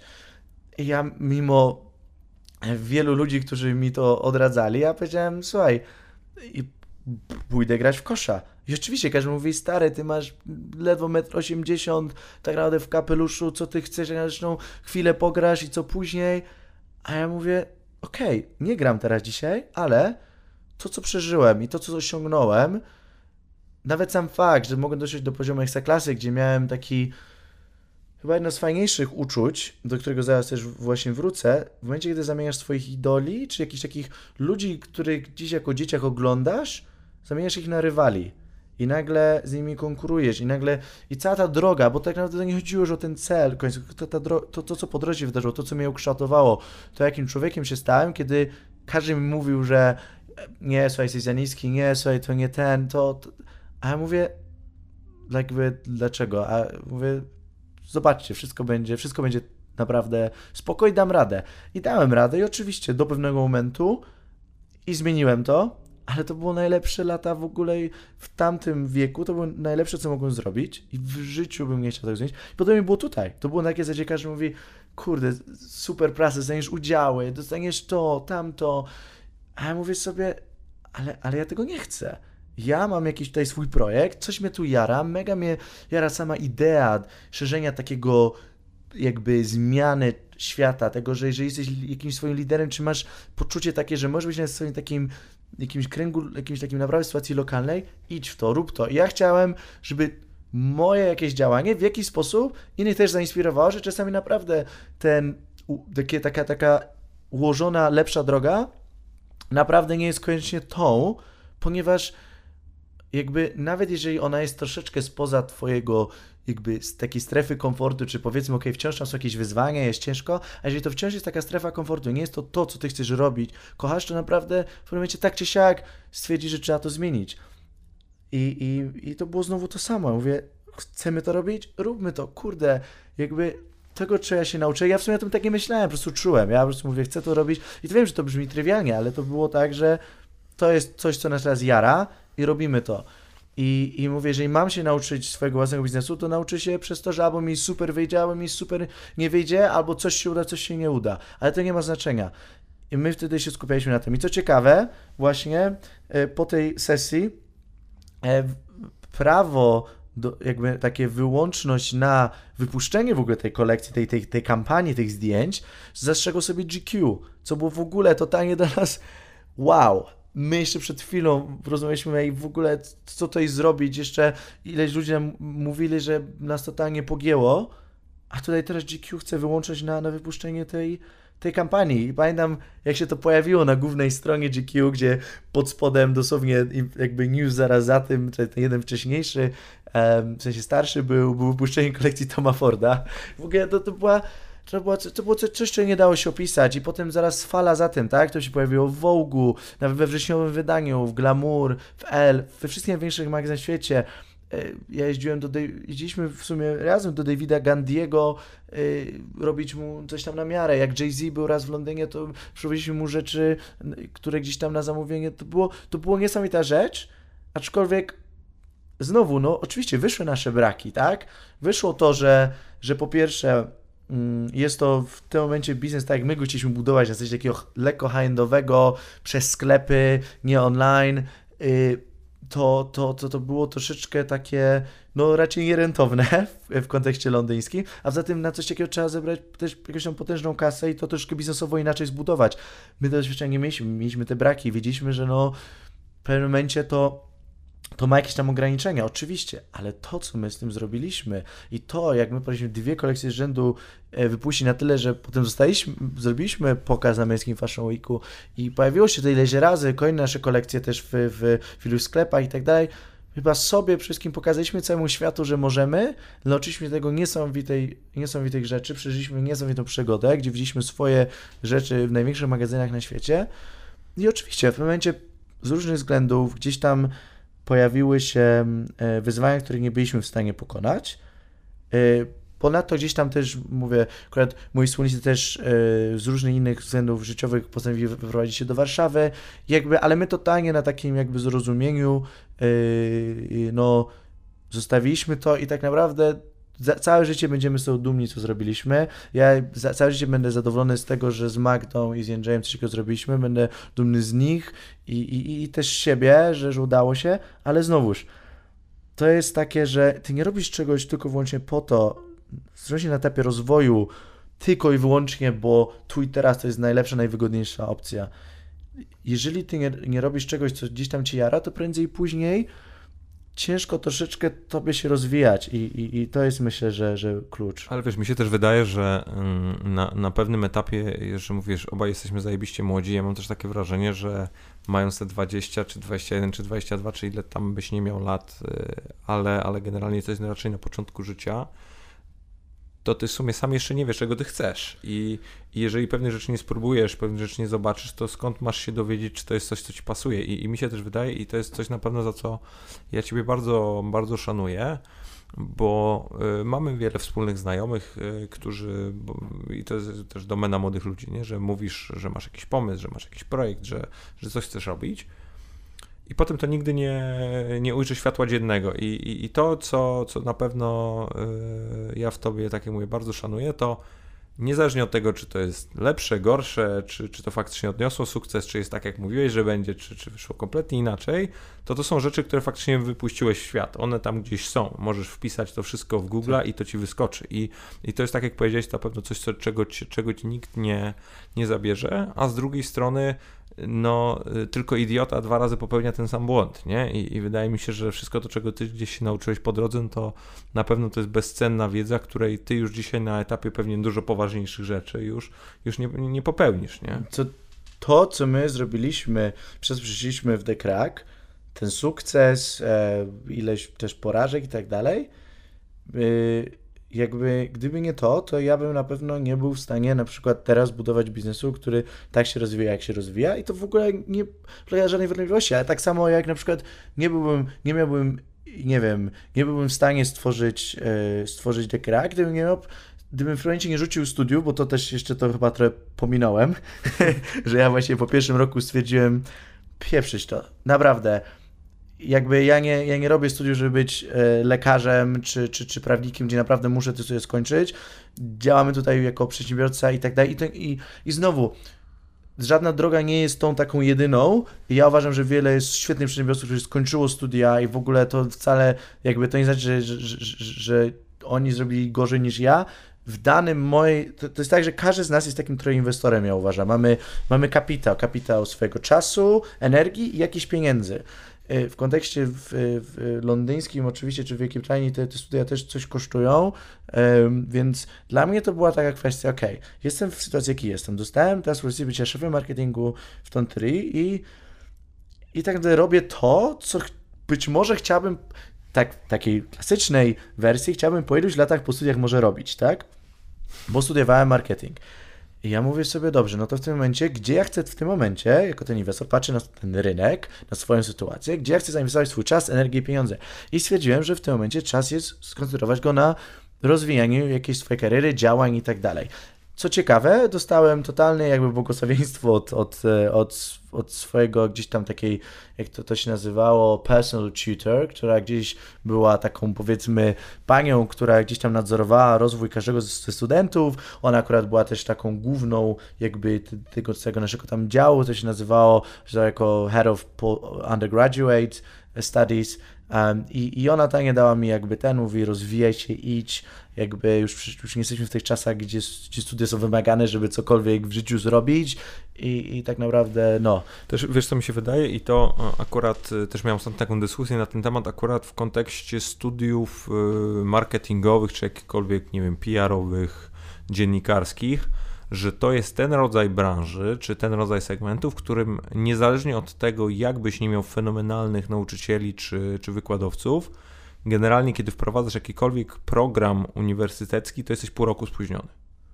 Bo nie jesteś w stanie go tak, tak. dostosować do nowego medium, wiesz, no wychodzi e, Snapchat i, i, nie masz go w programie, bo się rzecz nie było takiej platformy 6 tak, miesięcy tak. temu, a dzisiaj oczywiście. na niej jest, wiesz, miliony użytkowników, oczywiście to jest tam jakiś przykład, ale, e, ale ja mam też takie wrażenie, że jak szczególnie w marketingu, jeżeli chcesz jakkolwiek później w tym świecie zaistnieć, to wymogiem, naprawdę wymogiem, i to powinno być gdzieś podkreślane też przez wszystkie osoby bardziej doświadczone, jest to, że ty musisz sam czytać, sam się dowiadywać, sam patrzeć, bo, bo, bo co z tego, że wydałeś dużo pieniędzy na studia, jak tej wiedzy nikt ci samemu nie da. I, i mi się wydaje, że bardzo w ogóle wiele młodych ludzi dzisiaj jest strasznie roszczeniowych na takim poziomie życiowym, wiesz, szczególnie na, na, wczesnym etapie, że wiesz, mi się wszystko należy i idę na te studia i teraz dajcie mi klucz do sukcesu i odpowiedź na wszystkie moje pytania. I, i nikt w ogóle tego nie kuma, że, e, że, że, to nigdy tak nie jest. Dostajesz jakieś tam narzędzia, jakieś zasoby, dostajesz tę wędkę i, i to od ciebie zależy, czy coś złowisz, czy nie złowisz. Nie? Tak, tak. Znaczy ja nawet nie chcę, nawet nie chcę się wciągać w ten temat, bo to jest w ogóle coś, co, co, co, co zawsze mnie e, gdzieś tam troszeczkę denerwuje, e, podejście właśnie ludzi, którzy w dzisiejszych czasach kończą kończą studia i mają poczucie, że tak naprawdę to teraz im się już należy. No, wszyscy wiemy, że tak nie jest, ale to... W życiu ale, nic ale, się nie należy. Tak, tak, tak, tak, ale, ale wracając w ogóle do tego, o czym mówię, że, że to jest tak, że gdyby nie, gdyby nie The Crack, czy taka to, my, to nie byłbym tym, kim teraz jestem, nie byłbym w stanie robić pewnej rzeczy, które teraz robię. Gdyby nie Y, wtedy porzucenie tych studiów i skupienie się na takim mega szybkim po prostu rozwoju, bo musisz się rozwijać, bo nie masz tak, dobra, wiesz co, o, przeczytam to, nauczę się za miesiąc, jak będzie, wiesz, e, zaliczenie, tylko tu masz codzienny, żywy biznes, który jest troszeczkę na twoich barkach ale tak samo na przykład, no mówię, no nie, nie, nie, nie byłbym w Tonterii, gdybym w pewnym momencie nie, nie wyjechał do Londynu, nie podjąłbym Joe the Juice i, i nie, zrobi, nie wysłałbym tego głupiego maila do tego dyrektora, tak, gdzie on mnie potem też tam rzucił na, na, na głęboko wodę w Joe the Juice, bo mu powiedziałem, że, że musi i tak dalej, tak dalej. Znowu, gdybym nie, nie, nie, nie, nie zagrał w kosza też. Także ja uważam, że to wszystko jest takie, ja, ja tak jeżeli mam prawo na to spojrzeć, to, to, to, to, gdzieś tam to jest takie pasmo takich różnych decyzji, kiedy czułem, że to jest właśnie to, to jest to, co mi gdzieś tam gra w środku i mnie, mnie przede wszystkim motywuje do rozwoju i mnie w jakiś sposób takie daje mi takie wyzwania. I jak w to wszedłem, pozwalałem sobie sam zaufać, że to jest to, to gdzieś mnie to prowadziło dalej. I mówiłeś o szczęściu. Ja myślę, że to jest po prostu połączenie takiego mega zapieprzył, ponieważ, żeby było jasne, ja, ja dopiero skończyłem 25 lat, a, a takich historii z tymi karetkami, z różnymi innymi sytuacjami, gdzie po prostu ludzie mnie zabierają z pracy, bo ja już po prostu nie, nie wyrabiam, jest mnóstwo i, i, i jakby i, i, i to jest te ostatnie wiele lat to jest tylko i wyłącznie zapieprzanie i mnóstwo też w ogóle ciężkich momentów i łez, o których gdzieś tam wiadomo, y, jakby można mówić też, ale, ale jakby one tak naprawdę są częścią tej gry i to jest bardziej, jeżeli do tego podchodzisz, że cały czas chcesz przede wszystkim działać, że ufasz sobie, że gdzieś to, co czujesz, że zrobić jest słuszne, ale zarazem pozwalasz też pytać innych ludzi, ale nie przyjmować tego jako taką, taką taki kopiuj w klej, ale pozwalać sobie, żeby ci to w jakiś sposób kształtowało przez pryzmat tego, kim jesteś. Jeżeli czujesz, że chcesz zrobić, to zrób to na 100%, i albo na 100% się, tak powiem, no, no, przewróć, tak, żeby nie powiedzieć e, brzydko, albo, albo po prostu w 100% osiągniesz jakiś tam sukces, przynajmniej na jakimś etapie. I, i to, co mówiłeś, wracając do e, tego, że tak, są osoby, które mówią, że mają pomysły tu i tak dalej, i, i mówisz, że, że ja gdzieś tam ile rzeczy wprowadziłem. Tak, bo ja, ja zawsze uważałem i myślę, że to też gdzieś tam jeszcze w sportu się nauczyłem, że jest różnica między wiedzą a mądrością. I tak, moim skromnym zdaniem, ja to akurat tą, tą formułkę sobie gdzieś tam usłyszałem i bardzo sobie ją cenię, że różnica, że, że wiedza jest, jest świetna i trzeba ją czerpać i tak dalej, ale wiedza sama w sobie jest czymś narzędziem martwym.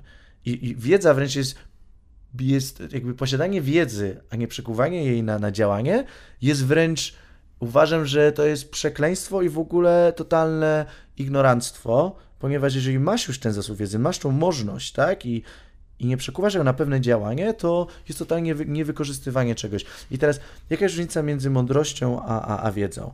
E, ja to może kiedyś Cię zapytałem, czy gdyby teraz tutaj to okno, tutaj gdzie, gdzie siedzimy w tym pomieszczeniu, byłoby totalnie brudne, tak, że nic nie widzisz na zewnątrz, a wiesz, że na zewnątrz jest zarąbisty dzień, świeci słońce i tak dalej, to wiadomo, że byś chciał, chciałbyś, bo tak byś czuł, że to jest słuszne, chciałbyś to okno umyć, prawda?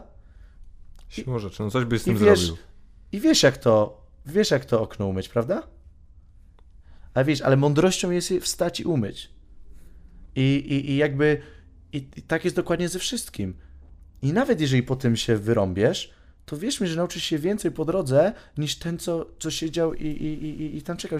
Ja mam to totalnie gdzieś, jakby ja całe swoje troszkę życie, może to, nie wiem, czy to jest słuszne, po prostu, jeżeli już coś czuję, że to zrobić, to trzeba to, to zrobić i się, i się nie wahać. Mieć, mieć oczywiście wątpliwości, cały czas podważać to jakieś sposoby działania, bo, bo, bo, bo y, budowanie własnej rzeczy to jest ciągły rozwój, ciągłe analizowanie tego i jakby robienie tego lepiej, cały czas rozwijania takiego, że okej, okay, wczoraj było super, osiągnęliśmy to, ale tak naprawdę, jeżeli ty wciąż mówisz o tym, co było wczoraj, y, i tylko tym żyjesz, tak, no to tak nie znaczy, że dużo dzisiaj nie zrobiłeś, tak? to, to tak naprawdę rób to na całego, tak? I, i to znowu, żeby, żeby nie być jak, jak to mówią, taki ów kaznodzieja, co podczas kochania się z żoną myślał o kazaniu, a podczas kazania myślał o kochaniu się z żoną, tak? Że w sumie to bym chciał, ale w sumie to się trochę boję, ale w sumie to jara, to spróbuję, albo może jednak nie. I to jest takie całe życie... Ale, ale nigdy nie jesteś w momencie. W niezdecydowaniu, tak? Um, i, I, zobaczymy, jak dla mnie się to skończy. Wiesz, jak mówisz, że to jesteśmy młodzi, więc ja też nie chcę tutaj w życiu mówić jako jakaś osoba, e, która komuś będzie narzucała jakiś sposób działania. I, i myślę, że to też jest ważne i, i że, że po prostu ja mogę żyć jak żyję. Mam nadzieję, że to te dobre rzeczy w jakiś sposób może kogoś też zainspirują, żeby coś zrobić.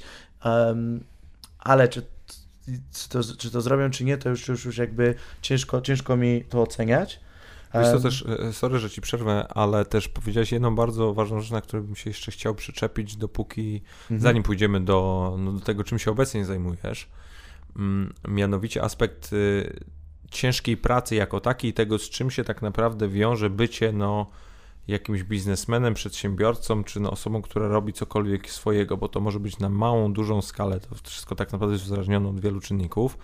Hmm, ale mam takie wrażenie, że dzisiaj, i to też się z tym spotkałem ostatnio, czytam jakiś artykuł, już teraz nie, nie, nie przypomnę sobie, kto to powiedział, E, ale y, tak no jakby było stwierdzenie, że dzisiaj przedsiębiorca stał się gwiazdą roka i dzisiaj każdy e, dzieciak kończący liceum chce być tym właśnie entrepreneur albo, albo youtuberem, co jest też dość znamienne, mm, ale, ale mam takie wrażenie, że dzisiaj ludzie widzą tylko te okładki gazet, widzą fajne książki, widzą ogromne pieniądze, work-life balance i różnego rodzaju inne rzeczy ale nie mają pojęcia, ile gówna się za tym wszystkim kryje i jak to naprawdę jest, jest ciężkie, żeby dojść do tego momentu, w którym, w którym się, się gdzieś tam te, te, te osoby z, no, z samego szczytu znajdują. I oczywiście jeszcze w Polsce to jest wiesz, bardzo znamienne, że, że pewnie jak już jest tam gdzieś na, tej, na tym szczycie, no to na pewno ukradł, zabił albo w ogóle wy, wyprowadził i, i, i, że tak powiem, mataczył.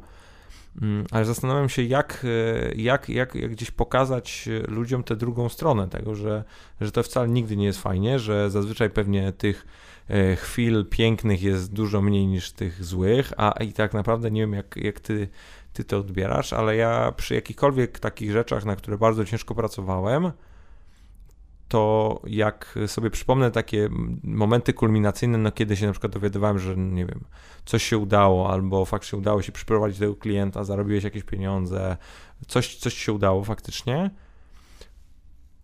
to miałeś taki, taki moment nie tyle co euforii, co ulgi, że, że na chwilę możesz faktycznie to wszystko z siebie zrzucić i jest dobrze, a z drugiej strony miałeś gdzieś z tyłu głowy, że za chwilę znowu musisz wrócić, bo to generuje, każda dobra rzecz w biznesie generuje szereg kolejnych, z którymi musisz sobie poradzić. To jest mhm. gdzieś też dla mnie niesamowite i, i mam takie wrażenie, że w ogóle bardzo mało się mówi o tej, powiedzmy, może nie tyle co ciemnej stronie, bo to nie jest, to nie jest nic złego, ale o tej trudniejszej stronie. Nie wiem, jak ty na to patrzysz. Znaczy, ja myślę, że się może trochę mówi o tym, ale też tak troszeczkę zero-jedynkowo, typu no tak jest mega ciężko i, i w ogóle musisz zasuwać. Jakby ja no ma, mało, mało w tym empatii w ogóle w tej ja, ja jakby to jest, takie, to jest takie bardzo rynkowe. Znaczy się, znowu, znowu się cofnę do czasów um, sportowych. Jakby ja myślę, że to też dla nas troszeczkę było takie oczywiste. Jakby no to, to było takie naturalne, jak przeszliśmy jakby z grania gdzieś tam, yy, powiedzmy zawodowo, czy zawodowo, do biznesu, znowu, ja nie, nie, lubię w ogóle się nazywać biznesmenem i tak dalej, bo, uważam, że to jest takie bardzo, bardzo gdzieś tam e, no, śmieszne. Ja, my po prostu oboje robimy to, co kochamy i staramy się coś tworzyć i, i najlepiej tego w ogóle nie nadawać temu takich wielkich nazw. Tym niemniej grając, jakby w ogóle trenując, jest, jest tak samo. My, jak tak, taki normalny odbiorca sportu, widzimy te gwiazdy, każdy chciałby być nie Michaelem Jordanem i Cristiano Ronaldo, czy, czy, czy Messim, każdy widzi Usaina Bolta i innych i widzą, ale to mają życie, słuchaj, e, tutaj dziesiątki milionów rocznie, samochody, on tylko wychodzi, jest totalnym idolem, bożyszczem wszystkich i tak dalej. I generalnie myślisz sobie, no high life, grają w nogę, super, kochają grać w nogę, zarabiają super kasę, wszystko idealne. Ale tak naprawdę jakby no nikt tak, tak może tak bardzo się nie skupia, albo, albo gdzieś tam na co dzień o tym nie myślimy, naprawdę po pierwsze, ile drogi, ile drogi selekcji, ile, ile zasuwania po prostu było przez tyle lat, żeby w ogóle tam być. I wciąż jest zasuwania, tak, bo ci ludzie też ciężko gdzieś tam, wielu z nich ciężko pracuje, ale też wszystkim jak ta cała droga, żeby tam dojść w ogóle, żeby móc troszeczkę jakby tego E, no, zażyć, to są ludzie, którzy sami, sam wiesz, my nawet w swoim e, e, etapie to tak naprawdę no, ile było ciągłych jakby takich poświęceń, wyrzeczeń, tak? Cała ekipa w gimnazjum czy w liceum wychodziła gdzieś sobie na domówkę, imprezę, a my nie, bo mamy jutro rano trening, tak? Gdzieś tam zanim gdzieś sobie wyjeżdżali, nie wiem, ferie, pozjeżdżać na desce, a my nie, mamy zgrupowanie.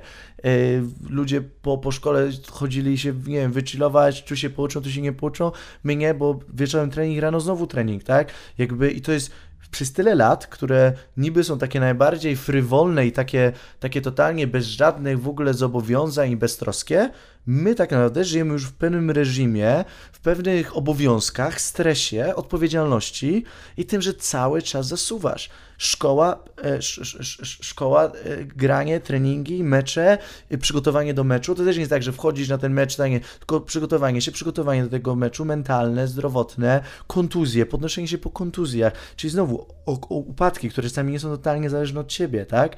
Wręcz bardzo rzadko są, nie? A nawet jeżeli, a, a, albo na, jest to bezpośrednio, albo nawet gdzieś jak po drodze są, to wychodzi, że gdzieś ten problem się zaczął ileś lat wcześniej, bo nie wiem, bo zaczęliśmy robić nieodpowiedni trening siłowy, jakaś zła dieta, co i to po ileś latach wychodzi w takich właśnie rzeczach. I to znowu jest duże nawiązanie do biznesu. Ja zawsze mówię, że sport i biznes są właściwie kopiuj w klej, ponieważ bardzo podobnie wiele takich krachów, dużych rzeczy, które potem się okazuje, ludzie mówią, a, bo nie wiem, bo zmienił się, nie wiem, rynek, bo to się zmieniło i oni byli zawsze gdzieś już pewne rzeczy zazwyczaj prowadziły od małych kroków do pewnego problemu. I tak samo padasz, wiesz, w sporcie uczysz się tego, że jakby mecz bokserski nie kończy się wtedy, kiedy upadasz, kończy się wtedy, kiedy już nie możesz wstać zasadniczo, tak? I tak samo jest w biznesie. Jakby wszyscy najwięksi tutaj, no, najsłynniejsi ludzie, którzy tworzyli największe biznesy, w ogóle startupy, nie startupy, wszystkie na świecie, są ludzie, którzy najpierw naprawdę wiele razy się przejechali. Nawet po drodze z tymi sukcesami się, się byli na górze, potem znowu na dole, potem znowu na górze i to jest, to jest, tak, samo, to jest tak samo jak w sporcie. I dla nas to było trochę naturalne, takiego, że tak naprawdę my wiemy, że trzeba zasuwać i że to jest w ogóle podstawa. A potem dopiero masz kolejny, czy się będziesz szybko rozwijać, czy będziesz analizować, czy trafisz może na odpowiednich ludzi, ale ja zawsze uważam, że e, to oczywiście szczęście jest potrzebne, jest w ogóle to bez ale im ciężej pracujesz, tym więcej szczęścia tak naprawdę gdzieś tam tobie też y, przychodzi, albo przynajmniej dajesz mu szczęściu większe szanse, żeby to, to, to słuchać. I znowu, kiedy ty w jakiś sposób działasz, podejmujesz się rzeczy, idziesz do przodu, to ty w, w jakiś sposób kreujesz pewną atmosferę, pewne relacje między ludźmi, którzy sprawiają, że to szczęście gdzieś tobie, to, to, to, to, to tobie gdzieś e, ciebie spotyka, ponieważ ja myślę, że tak zarówno ludzie troszeczkę i tak świat, czy tak troszeczkę filozoficznie mówiąc, e, życie też widzi, na, na co jesteśmy gotowi. Jeżeli my, i to też kiedyś akurat Mark Burton mi, mi powiedział, kiedy kiedyś chciał mi dać jakieś takie tam swoją marynarkę, bo dostał takiego znanego designera i mówi, słuchaj, dla ciebie, bo, bo jakby chciałbym ci ją podarować, a ja mówię, nie, no ja tego w ogóle nie mogę przyjąć, to jest za dużo, dużo mówi, nigdy nie mów takich rzeczy jakby, tak? Jeżeli ty dajesz komuś nawet ze względu na jakieś, nie wiem, obawy, czy, czy, czy niby jakiejś mniej lub bardziej udawanej e, skromności, ty mówisz nie, to ty dajesz naprawdę światu jakby, do, jakby dajesz zrozumienie, że ty nie chcesz tego przyjąć. Czyli w momencie, jak ty chcesz przyjąć szczęście, jakąś szansę na, nie wiem, na zrobienie unicorna, tak, w świecie startupów, jak ty nie możesz przyjąć, nie wiem, jak ty nie możesz z podłogi e, po, podnieść 10 zł, które ci się trafiło na ten, albo prezentu od kogoś, tak? Znowu, ty musisz, ty dajesz sygnały światu tego, co chcesz. Jeżeli ty dajesz sygnał światu, słuchaj, coś mnie jara, widzę coś, że możemy zrobić i zasuwasz, i tworzysz, i, i zamieniasz ideę w, w realia, to dajesz światu jakby sygnał, jakby jestem gotowy, jestem w stanie, tak? Uczę się jeszcze, wiele mi jeszcze brakuje, ale jestem w stanie. I to akurat gdzieś tam e, e, myślę, że, że, że, że, tak całkiem sprawnie też przejdziemy do, do embargo i tak właściwie troszkę z tym było, e, z tym, co teraz robię, ponieważ podczas kiedy my już zaczęliśmy tworzyć embargo, takie pierwsze kroki, tu odchodziłem z Tonterii, to właśnie wtedy mój teraz obecny wspólnik tak się zwrócił do mnie i mówi: Słuchaj, mam tu jakiś taki pomysł. On był wtedy jeszcze totalnie niezbliżony do tego, co my teraz robimy, ale to było takie: Słuchaj, zróbmy to razem. Ja zaraz jeszcze opowiem mniej więcej. W każdym razie był to gość, który był wtedy viceprezydentem JP Morgana w, w, w, w Londynie. Był totalnym frontline'em, mega gość. I, I znowu, jak sobie na to spojrzę, to, to gdyby nie fakt, że ja cały czas tworzyłem, zamieniałem jakieś pomysły, tworzenie tych nocy, kultowego miejsca, potem kolejne kultowe miejsce. tak już czym... wiesz, bardzo prosto mówiąc, yy, przecięcia się po prostu wielokrotnie w jednym miejscu, które było fajne, nie? Tak, tak, ale znowu było to, że ja gdzieś, gdzieś tam tworzyłem swoje życie, to powodowało, że gdzieś przyciągałem też ludzi, którzy potem wspierali cokolwiek ja robiłem i do dzisiaj tak jest. Ja nawet nie muszę prosić ludzi, żeby mi pomogli. Ja zazwyczaj jak coś robię, to po prostu ludzie automatycznie to robią. I ja, ja to robię w drugą stronę tak samo. Bo, bo jeżeli czuję, że ludzie to ty już potem nie musisz prosić o pewne rzeczy. One po prostu gdzieś przychodzą, ale przychodzą wraz z ciężką pracą, takim naprawdę wiarą w pewne rzeczy, które robisz i ty w tym dajesz sygnał wszystkim wokół, bo my tak naprawdę decydujemy o wielu rzeczach tak, tak podświadomie. Ale jeszcze chciałbym skończyć Zanim przejdziemy do embargo, chciałbym skończyć to, co mówiłeś a propos właśnie, że tutaj startupowcy czy tacy biznesmeni są gwiazdy roka, że nie widzimy tej takiej drugiej, że tak powiem, strony medalu um, i tak dalej. Ja myślę, że to jest też właśnie kwestia, że my gdzieś byliśmy przyzwyczajeni do takiego zasuwania, zaraz było to naturalne. Ponadto jeszcze, czego też się nauczyłem i w ogóle polecam dużo rzeczy, które raz mówię właściwie, które, którym się inspiruję, pochodzą z książki e, Siła Spokoju Dana Milmana, którą w ogóle polecam wszystkim. Jest to najważniejsza książka, którą kiedykolwiek przeczytałem. E, jest też film, jeżeli Uprzedziłeś ktoś... moje pytanie. Tak, jeżeli, jeżeli ktoś nie lubi czytać albo nie ma czasu, to też jest film na bazie tej książki. Oczywiście książka jest milion razy lepsza, ale też może zainspiruje, że przeczytać. Się nazywa, e, sorry, film się nazywa Siła Spokoju, a książka się nazywa Droga miłującego pokój wojownika. Ale to zaraz do tego dojdziemy. W każdym razie wracając do, tego... No to słyszałem o tej książce, podoba właśnie fenomenalna i taka nieoczywista. Tak, tak. Jest, jest świetna, bo jest, jest to właściwie taka autobiografia, ale czyta się jakby to była fabuła. E, w każdym razie tam było coś takiego ciekawego, właśnie po, po, było poruszone, że tak naprawdę, jeżeli ktoś jest skupiony tylko na celu, na tym, ok, słuchaj, wiesz co, to ja wezmę, zrobię to, żeby osiągnąć to. Jakby to jest jedyna, tak jak mówisz, że pracuję, pracuję, pracuję, żeby ten target tam wyrobić.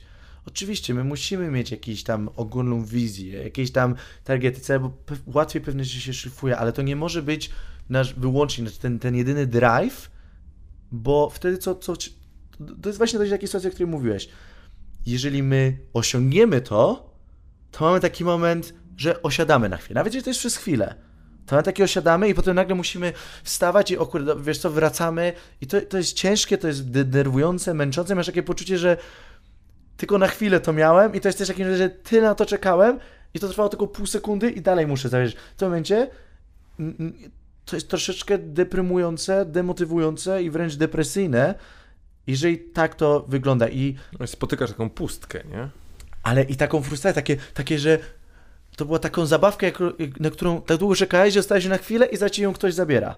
I teraz tak, jeżeli, jeżeli ty tak myślisz, to tak, jeżeli osiągniesz to, to właśnie do tego dochodzi. Ponadto, w tym momencie, kiedy się zatrzymujesz, stajesz się takim mega, jak ja to mówię, takim totalnym ignorantem, bo ty się zatrzymujesz, ale pamiętaj, cały świat zapierdala, tak? To nie jest tak, że cały świat się z tobą zatrzymuje. I to są właśnie momenty, kiedy my robimy krok do tyłu. I natomiast, jeżeli cały czas tak myślimy i załóżmy, że nie, nie uda nam się osiągnąć tego celu, byliśmy tak bardzo blisko, naprawdę tak, nawet szacun, byliśmy bardzo blisko i nie, nie udało się To jest ten niesmak, jest takie, tyle na to pracowałem i się nie, nie udało. Jest niesmak, jest coś, czego, coś zostaje w głowie i powoduje też, że czasami no, to siedzi i nie możesz gdzieś tam pójść dalej.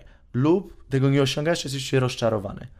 A tak naprawdę każdy rozwój nie wynika z poprawiania celu, czy, czy yy, jeżeli masz odpowiednich ludzi, którzy naprawdę się czymś się tam jarają i chcą tworzyć rzeczy, to nie jest kwestia celu i targetu, to jest kwestia zmiany systemu. I e, to, to jest troszeczkę takie połączenie, że skupiasz się na tym, co ty robisz, a nie co w danym momencie osiągasz. Ponieważ jakiekolwiek osiągnięcie jest tylko wyłącznie rezultatem tego, co robisz. I znowu takie troszkę przerzucenie się, że na przykład jeżeli jesteś w takiej totalnie takiej książkowej sytuacji, że jesteś sprzedawcą czegoś, to ty nie idziesz na spotkanie, żeby, żeby to sprzedać, idziesz na spotkanie, żeby dać jak najlepszy pitch. Żeby stworzyć jak naj... żeby to zrobić jak najlepiej. Troszkę to tak jak kiedyś nasz, nasz Adaś Małysz powiedział, że on nie idzie, on jak jest na tej skoczni, on tam nie jest po to, żeby wygrać. On jest tam po to, żeby dać dwa zajebiste skoki. I... Chyba on nawet chyba wtedy powiedział, że e, on przyjeżdża po to, żeby oddać dwa równe skoki tak, i tak. właśnie mówi równe i to jest jakby za każdym razem w każdym wywiadzie to powtarza. Ca, cały czas i, i żeby co zawody te skoki miały być lepsze, lepsze od poprzednich. I to jest właśnie taki sposób. I kolejna taka znowu nawiązanie do sportu.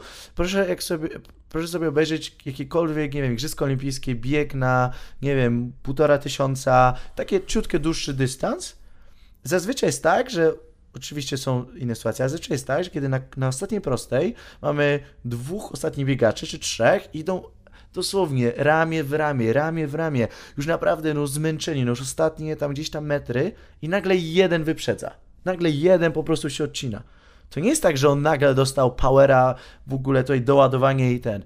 Tylko to ten drugi nie wytrzymał tempa. To ten był cały czas jeszcze jeden krok, jeszcze jeden krok, jeszcze do przodu, jeszcze trzymaj tempo, idź do przodu.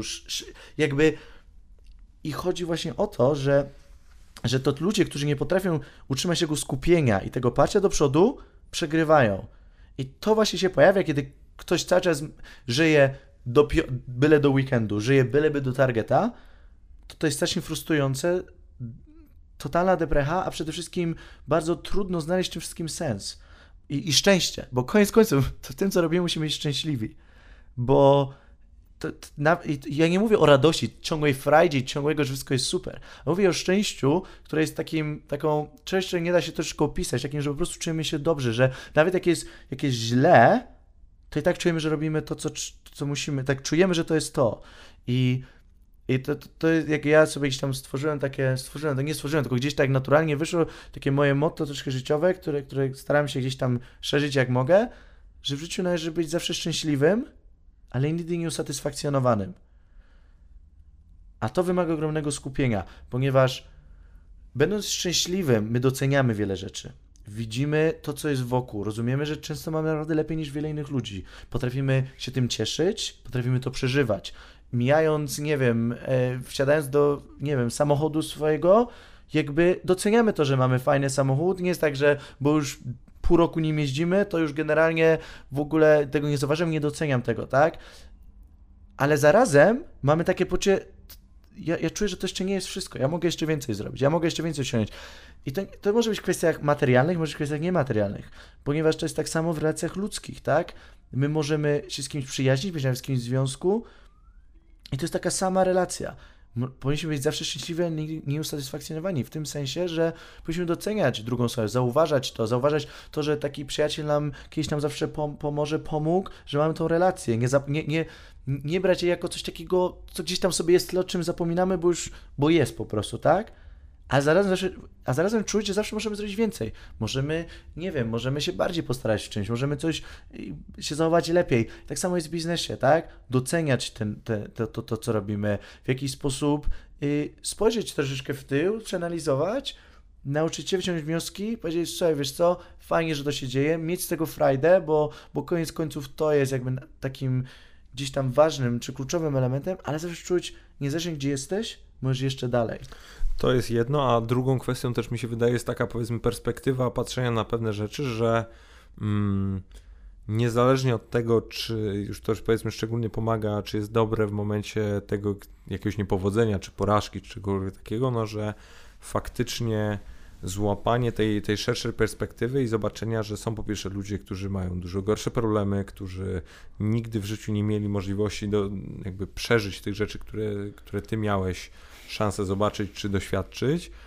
I, I na przykład nie wiem, mitos bardzo pomaga w takim jakby codziennym funkcjonowaniu, że faktycznie mm, mogło być 100 razy gorzej, nie? Mhm. Ale z drugiej strony może być lepiej. 100 razy lepiej, właśnie. I, i, I z jednej strony doceniasz, bo jest naprawdę, bo, bo widzisz to wszystko i cały ten syf, jaki jakby mogłeś doświadczyć, a z drugiej strony y, są dalej osoby, które z jakiegoś powodu są gdzieś wyżej, nie? I E, i, i to jest młody, ambitny i chcesz więcej, nie? I, i ja się też zastanawiam, jak mm, jak jest... gdzieś ludzi zarazić tym wszystkim, bo, bo nie wiem, jak, jak ty na to, na to patrzysz, no jesteśmy, wiesz, wy, urodziliśmy się w Polsce, e, wychowaliśmy się w Polsce, ale też i prze, czy przez znajomość języka angielskiego, czy przez w ogóle też, mi się wydaje, sportowy background, no doświadczyliśmy bardzo wielu takich nie, historii nieoczywistych, które nam mówiły, wiesz, z tego, że się urodziłeś w państwie, które 20 lat temu nie miało E, no, jakiegoś własnego rządu, a, a tak wiesz, jesteśmy chwilę temu obchodziliśmy setną rocznicę odzyskania, odzyskania niepodległości. Co z tego, że, że w Londynie są goście, którzy mają na tą 200 lat handicapu, nie? E, czy nawet więcej.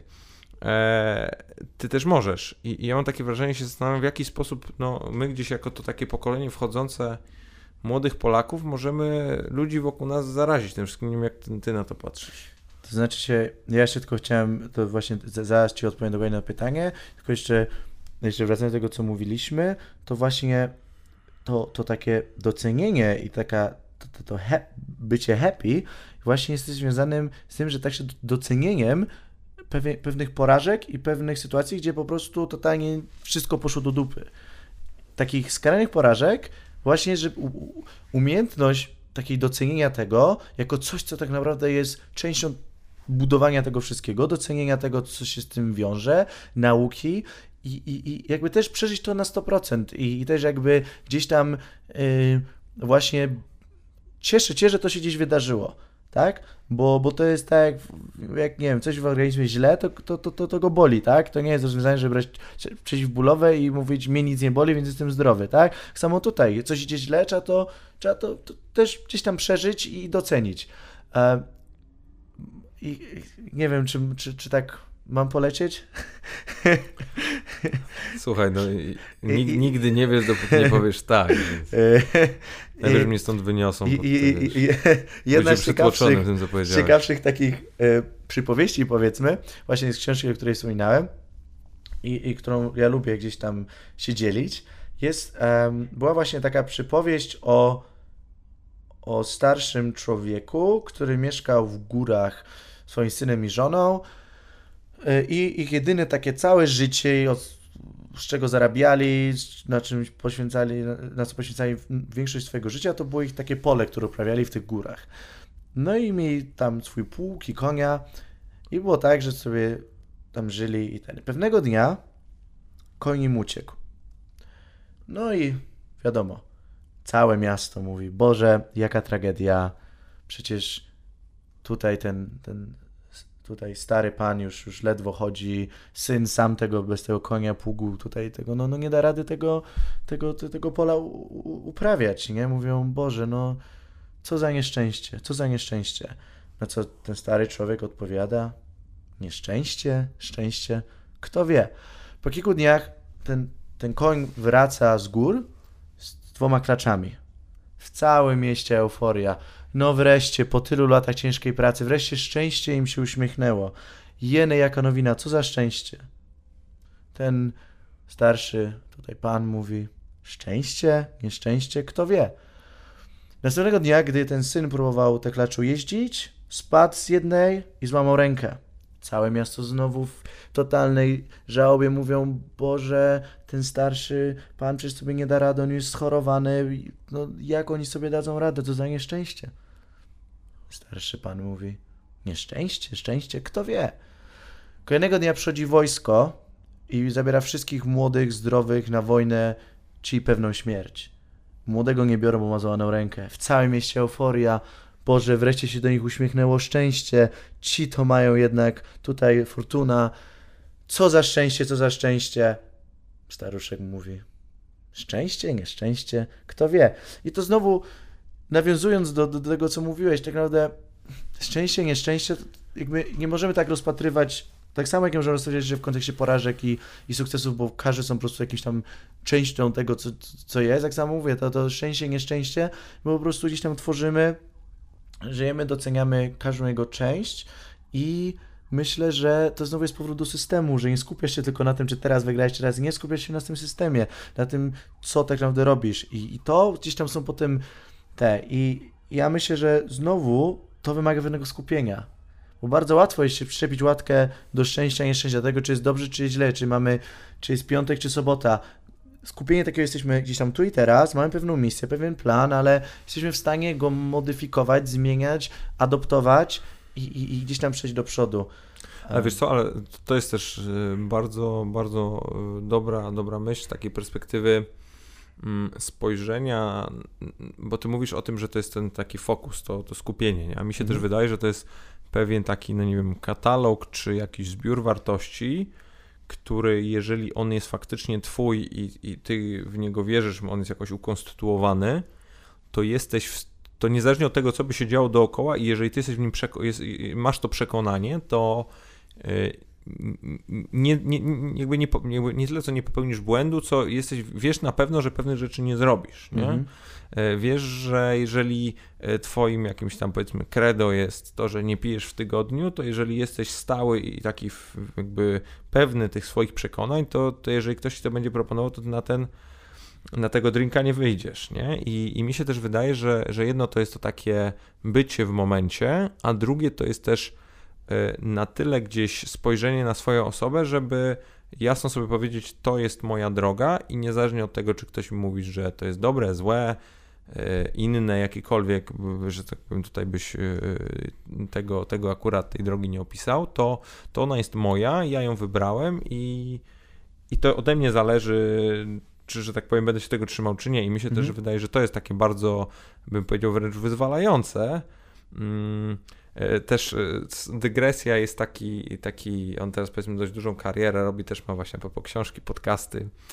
E, były, były jakiś tam komandor czy, czy, czy wojskowy w Navy SEALs, nazywa się Jocko Willing i, i on napisał taką książkę i ma przepiękny tytuł, ona jest po angielsku nazywa się Discipline equals freedom, no, czyli tak naprawdę dyscyplina równa się wolność. I, i, I, jednak to jest dla mnie też niesamowite, jak tak e, patrzę sobie na swoje dziś codzienne życie, że to jest fenomenalne, na jak wiele pytań nie musisz sobie odpowiadać, nie? Mhm. Kiedy, wiesz, możesz zjeść śniadanie, wiesz co zjeść, wiesz co się ubrać, wiesz, e, nie idziesz do pracy i nie zadajesz sobie codziennie fundamentalnych pytań, to jest tak fenomenalna rzecz, że, że, że niczym mnie nie zastąpił. I to mi się też wydaje, że z kolei wiąże z takim aspektem, powiedzmy, mm, odrzucenia kościoła przez bardzo młodych ludzi, czy ogólnie jakiejś tam, powiedzmy, wiary, czy, czy tego typu rzeczy, że przez, jeżeli nie masz tego jakiegoś fundamentu, to ty te pytania takie właśnie natury mocno bym powiedział filozoficznej zadajesz sobie dużo częściej niż zadawałbyś je sobie, gdybyś faktycznie jakiś tam ten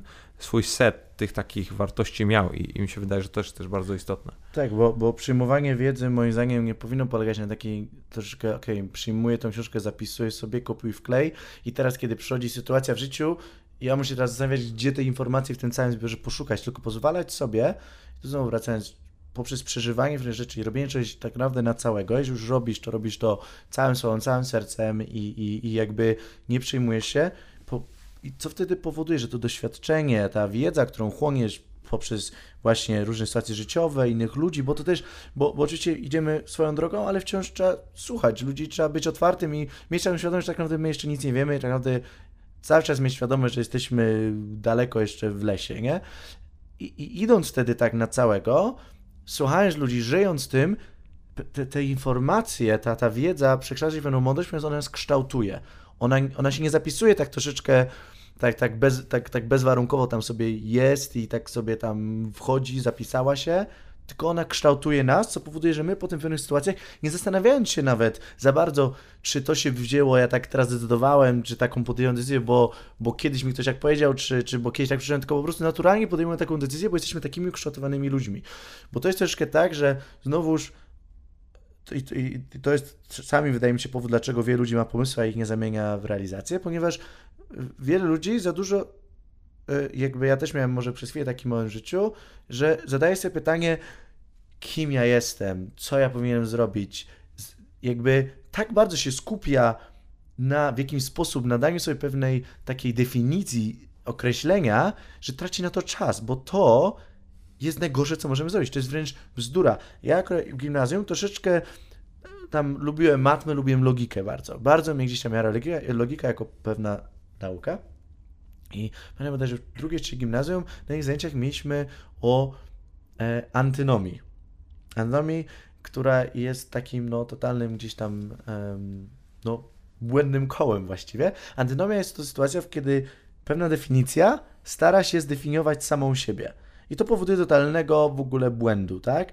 I to tak, żeby przybliżyć bardziej na, na, na zasadzie takiego przykładu, to jest troszkę tak, jakbyśmy wzięli sobie serwetkę, napisali sobie na niej zdanie na tej serwetce jest nieprawdziwe.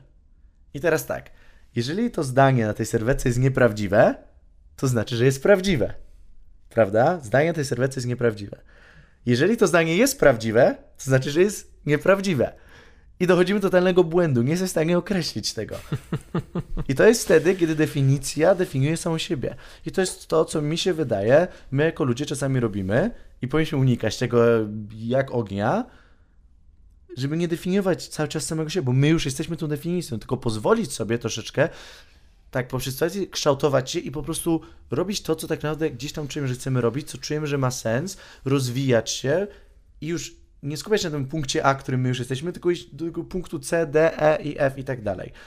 I, i, I jakby myślę, że to jest ważne i w tym momencie, owszem, zadajesz sobie mniej pytań, bardziej zadajesz pytania co do, co do jakby następnego kroku, aniżeli kim ja jestem.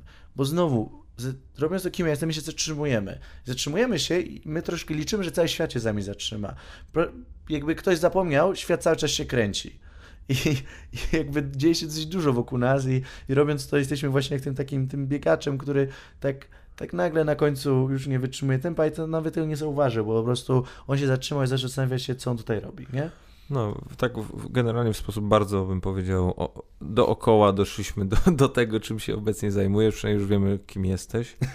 Bardzo, bardzo, bardzo dobre półtorej godziny wprowadzenie, jest, jest okej. Okay. Mm, słuchaj, no rozwijasz e, i to jest powiem ci też e, taką, taką z mojej perspektywy ci, moją perspektywę ci wrzucę, bo mm, gdy mi pierwszy raz opowiadałeś o tym biznesie, to, to z jednej strony pomyślałem sobie wow, ciekawe, fajne, a z drugiej strony myślę sobie, kurde, kolejna apka, już i tak y, nikt tego przecież nie używa, jest to raczej kretyństwo i okej, okay, ale mówię, dobra, zobaczę.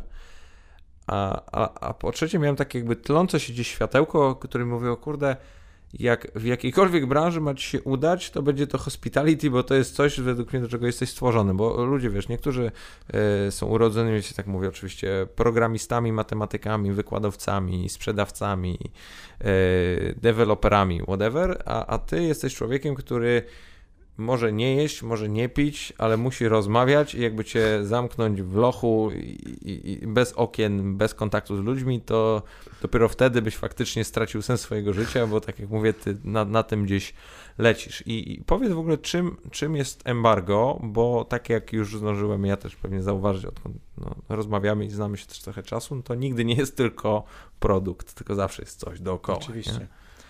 Embargo to jest rozwiązanie problemu, który tak naprawdę no, w Londynie przecież nie każdy, ale myślę, że no, wiele ludzi ma, zarówno jako biznesy, jako, jak i ludzie. I, I ten problem to też e, sam pomysł się właśnie zrodził, kiedy ja i mój wspólnik ten problem gdzieś tam mieliśmy. Otóż, um, kiedy Też byłem... brzmi jak 99% historii startupowych. Był problem i teraz rozwiązaliśmy problem. To znaczy się, bo, bo tak, bo, bo, bo to, to, po to są startupy, żeby rozwiązywać realne problemy, e, albo tworzyć coś, co, co, co gdzieś tam może pewne zmiany, zmiany wykonać, tak? I, i, i, i to jest dokładnie to, co my gdzieś mieliśmy. Było tak, że E, Wiesz co, sorry, sorry za dygresję, ale jako, że już tutaj jesteśmy na takim właśnie filozoficznym etapie, to mi się też wydaje, że warto, ja bym, ja bym chciał coś takiego powiedzieć, że szczególnie w tym przypadku raczej jest to odpowiedź na potrzebę, niżeli rozwiązanie problemu, bo jak pewnie gadamy o takim no, fundamentalnych kwestiach, no to to, czy mm, mm, zbijesz piątkę z menedżerem w knajpie jest problemem, czy nie jest problemem, to nie. można o tym gadać. Nie? Tak, tak, ale tym że, tym, że właśnie to jest to, że problem jest dość głębszy, z punktu widzenia takiego bardzo jakby mm, powierzchownego, można to sprowadzić do zbicia piątki, bo to zaraz powiem w ogóle, co, co to embargo jest, e, do zbicia piątki z menedżerem, ale tam problem jest troszkę głębszy. Otóż, kiedy ja jeszcze byłem, e, to już ostatnich moich gdzieś tam pewnie to były tygodnie, e, szefem marketingu w Tonterii, e, jeden z takich stałych klientów był teraz mój obecny, obecny wspólnik, wtedy e, vice w JP Morganie, I on był takim regularnym klientem. Przychodzi nam, czy to z znajomymi, czy to z klientami, prawie że co tydzień i wiadomo, e, my wiedzieliśmy bardzo dobrze jako biznes, że tak naprawdę to też research gdzieś tam ogólnie pokazuje, że pewnie mniej więcej trzy czwarte naszych gdzieś tam obrotów, ale też nie wiedzieliśmy na 100%, tylko tak Bo nie masz danych, pi razy drzwi, tak? Większość naszych, na, na, na, naszych obrotów pochodziła od, od ludzi, którzy wracają regularnie. I to nie tylko ich, ich, tylko też ich znajomych, ich klientów i rekomendacji. To są tacy, tacy nie tylko, to są tacy influencerzy, tak? Twoi tacy kluczowi, którzy nie tylko właśnie cały czas tam są i mówią o tym i, i sprawiają, że nowi ludzie przychodzą, ale to jeszcze nie ty im płacisz, tylko to oni tobie płacą, bo oni przychodzą i wydają y, jakieś tam y, grube pieniądze. I co, co, co to jest w każdym biznesie, każdej branży, wszyscy wiemy, klient, który lojalny jest absolutnie najważniejszy, tak?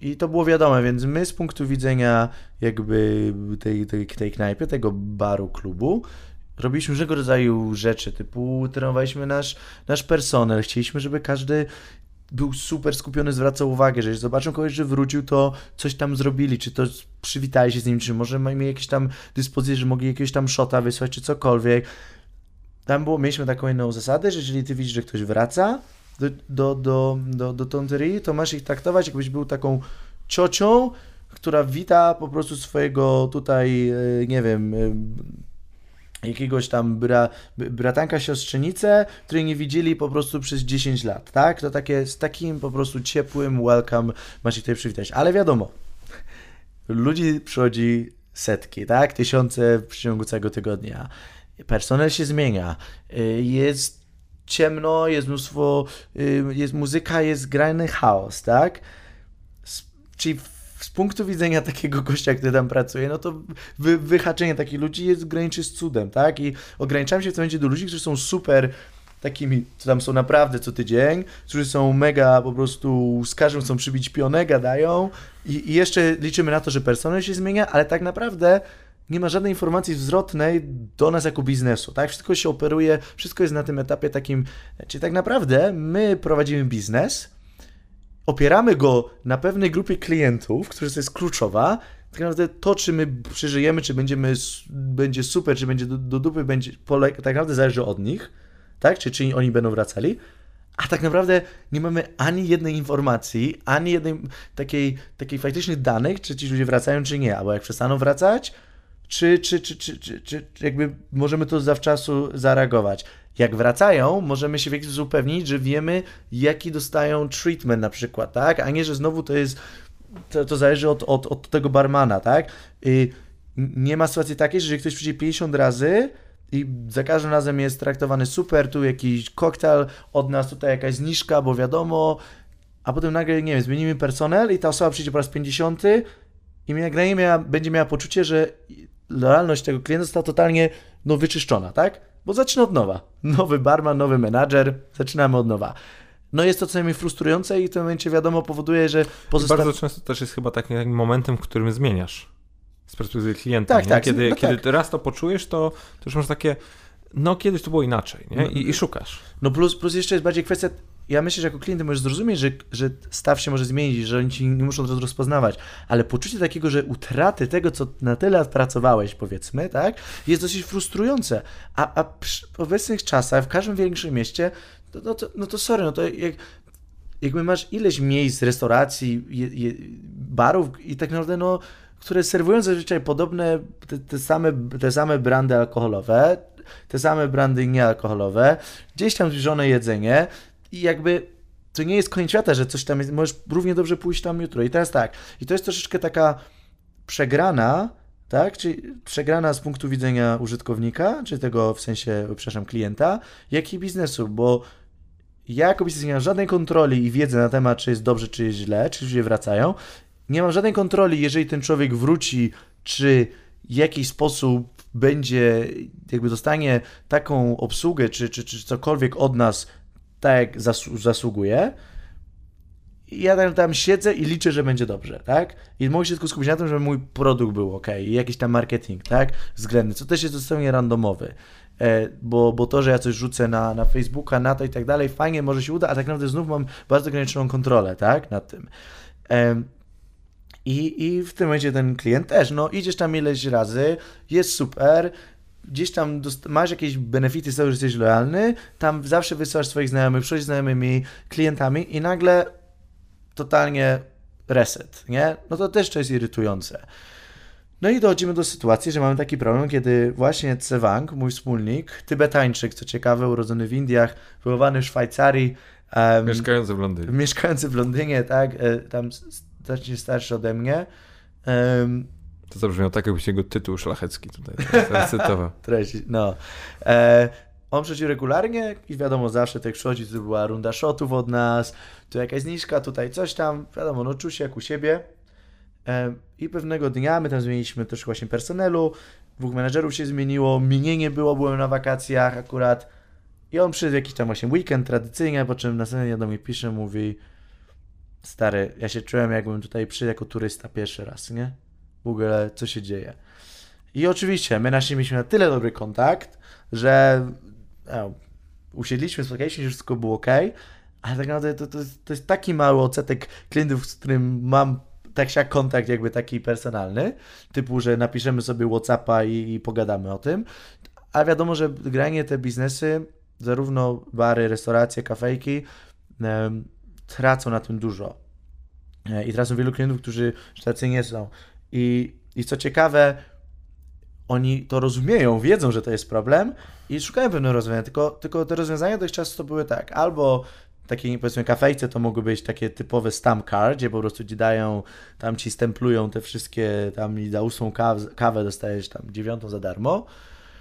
E, albo robią swoje własne aplikacje, jakieś swoje własne dziwne backendowe w ogóle rozwiązania lojalnościowe, które po pierwsze są zazwyczaj technologicznie do kitu, bo w ogóle nie są update'owane. Na przykład jak ktoś ma swoją własną aplikację, tak? Widziałem też, że teraz to widziałem, że w, chyba Costa w Warszawie też wypuściła. No Starbucks ma ten taki tak, bardzo Starbucks duży ma... system. Akurat tak. E, mam takie wrażenie, że e, Starbucks akurat o tyle pewnie do samego jakby aspektu podszedł, podszedł nieźle, że oni faktycznie no, wprowadzili tą, tą kartę lojalnościową, czy w ogóle ten cały swój tam właśnie ten reward system, no gdzieś do całego procesu, że ty w pewnym sensie nie jesteś w stanie go ominąć i z jednej strony ciebie jako właściciela tak. biznesu obliguje to do tego, żeby to było dobre, bo jak będzie słabe, to ludzie przestaną przychodzić, a z drugiej strony faktycznie to jest coś, z czym możesz mieć coś dobrego, no ale żeby Mm, realnie na takim poziomie to wprowadzisz, no to musisz być największym, e, tak.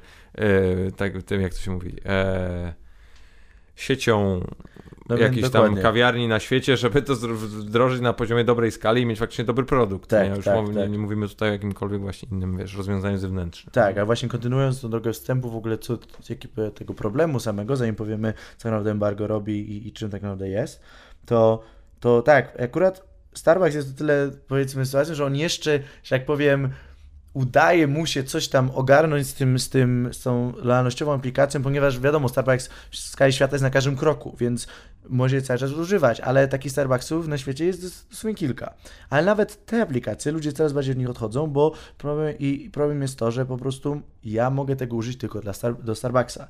Czyli w momencie dla, nie dla mojego ulubionego baru, restauracji, innej kafejki, może gdzieś, gdzie, gdzie nie ma Starbucksa, ja już tego użyć nie mogę i w tym momencie muszę albo szukać, mieć cztery inne karty, muszę gdzieś tam e, poszukiwać tych rozumiem, mieć to wszystko, kontrolować to milion haseł, milion kont. Jest to strasznie ciężki proces z punktu widzenia użytkownika. Ponadto jeszcze y, często jeżeli, no mówię, taki Starbucksów na świecie to są może 3-4, tak? To jest takie tego, tej rangi, tej, tej wielkości biznesów, jeżeli chodzi o kawiarnię, ale tak, jeżeli ty masz nawet sieć, ma kilkanaście czy kilkadziesiąt miejsc, to zazwyczaj nie masz ani know-how, żeby robić IT produkt, tak? A, a jak to outsourcujesz, to oczywiście to jest wszystko słabej jakości lub bardzo wolno update'owane.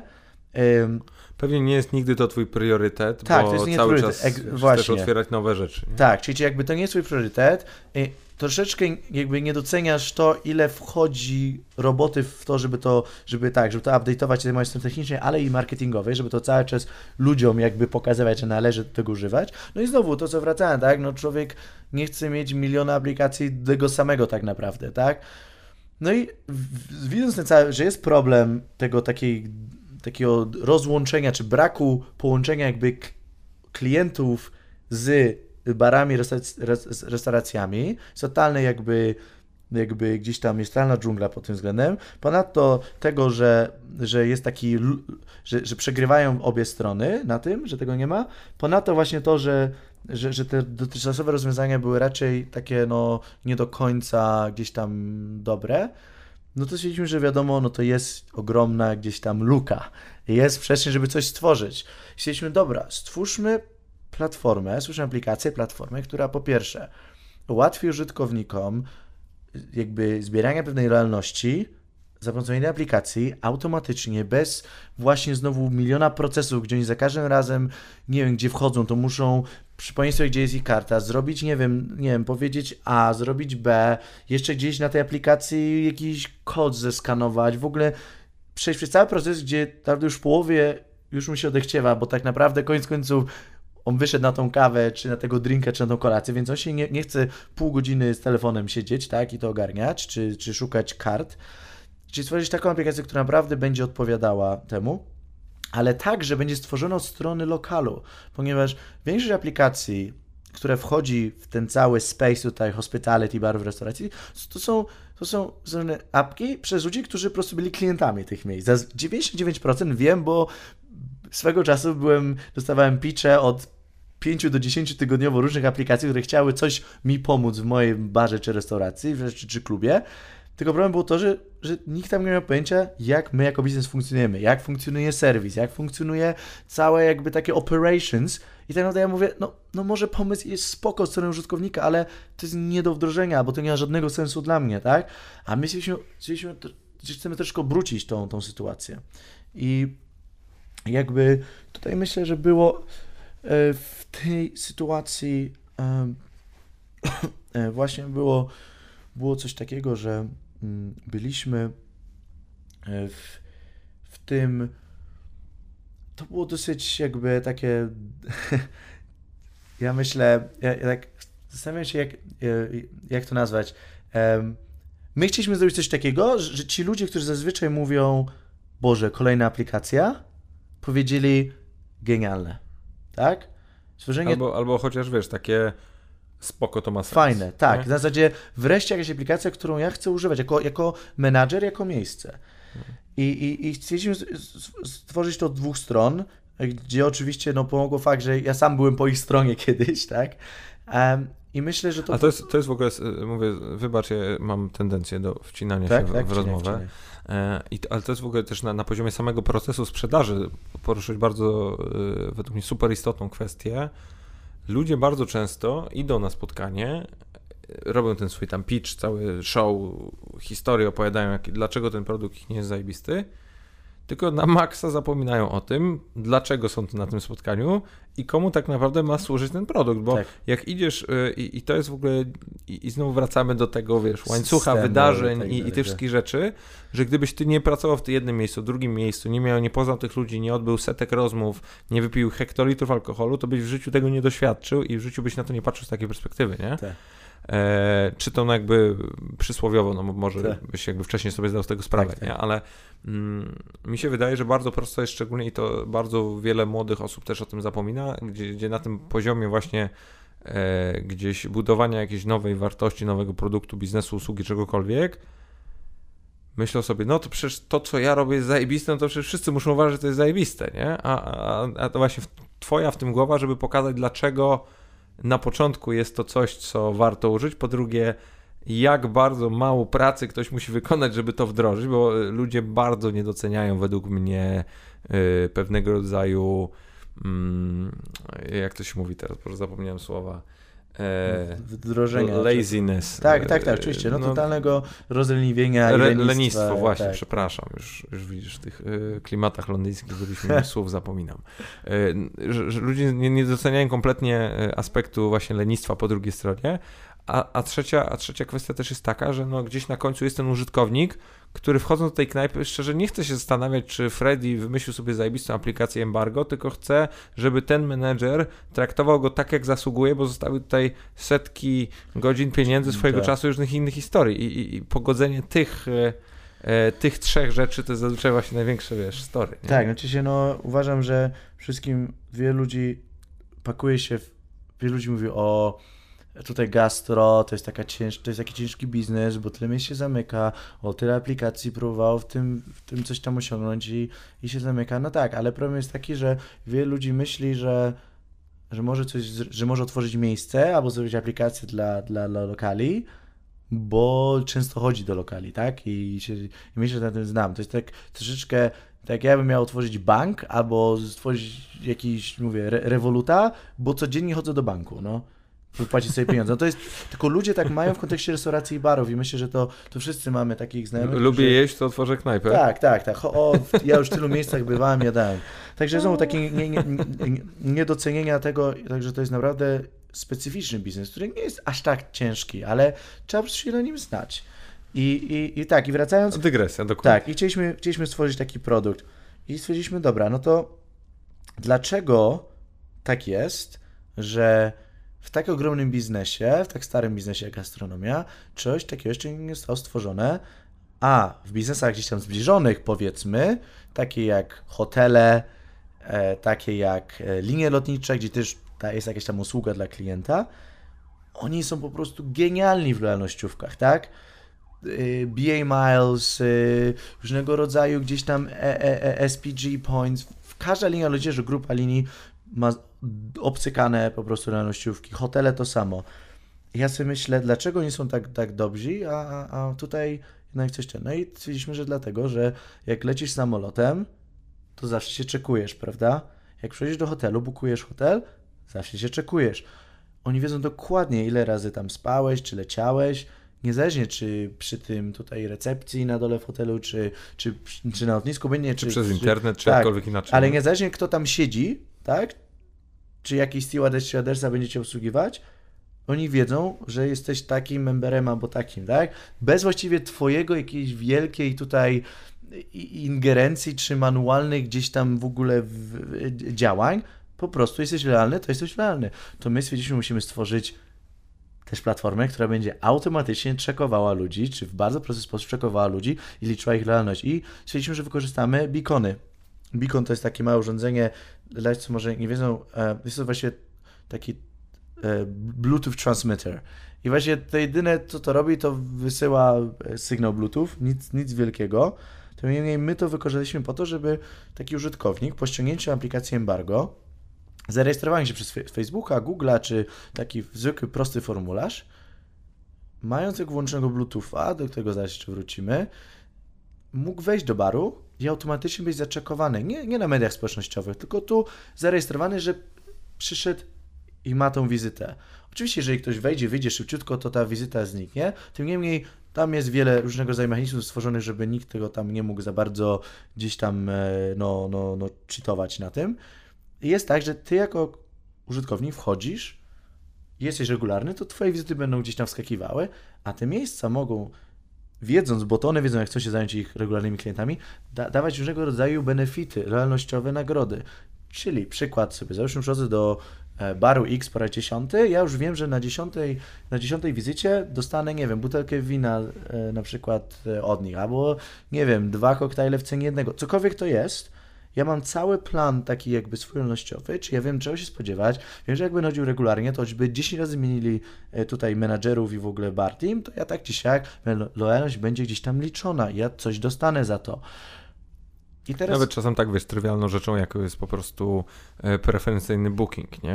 Bo tak. na przykład e, ludzie w, nie wiem, w Warszawie czy w Polsce w ogóle mogą sobie tak o tym pomyśleć, że no ale jak to przecież co idziesz do knajpy, no to wchodzisz i generalnie zazwyczaj są miejsca, możesz wejść, usiąść i, i zjeść, nie? Tak. A, a dla wszystkich osób, które były w Londynie, jest gdzieś to oczywiste, czy w Londynie, w Nowym Jorku, w jakimkolwiek dużym światowym mieście, to jeżeli masz fajne miejsce i, i naprawdę nie bukujesz z trzymiesięcznym wyprzedzeniem, to jest to praktycznie, albo, albo nie ma właśnie jakiejś tam relacji, jest to niemożliwe, żeby pójść, zjeść, napić się, spędzić czas w miejscu, które no, jest uznawane przez jakąś tam grupę ludzi za po prostu fajne, topowe, czy, czy jakkolwiek renomowane. Nie? Nie, ma, nie, ma, nie ma opcji. Tak, znaczy ja myślę, ja myślę, że po prostu jest też to, że my, chcieliśmy, my stworzyliśmy właśnie taką, wracając do jakby właśnie tej koncepcji, że to ma być bardzo proste, że nie jest, że ty bukujesz, czy idziesz do super high-endowej restauracji, czy idziesz do swojego pubu na dole, gdzie nikt nie bukuje, tak? Tylko po prostu idziesz, ale jeżeli chodzisz regularnie, to jesteś w stanie dostać jakieś. Z punktu widzenia użytkownika to jest bardzo prosta sprawa. Raz się rejestruję, wchodzę, czekuję mnie, im więcej przychodzę, tym więcej dostaję. E, dla takich miejsc jak kafejki czy takie takeaway szybko na landzie wchodzisz, bierzesz, wychodzisz. Oczywiście ten system jest gdzieś tam niemożliwy. Po prostu wykorzystujemy ten beacon, on jest takim terminalem przy, przy kasie, gdzie ty po prostu bierzesz swój telefon i tylko tak go przykładasz, taki tap robisz i dostajesz stampa. Czyli w tym momencie my jakby wciąż na jednej aplikacji, na jednej platformie ale tylko zamieniasz jakby ten, ten, ten fizyczny taki ruch, gdzie robisz stampa, bo tam wchodzisz, wchodzisz i tyle.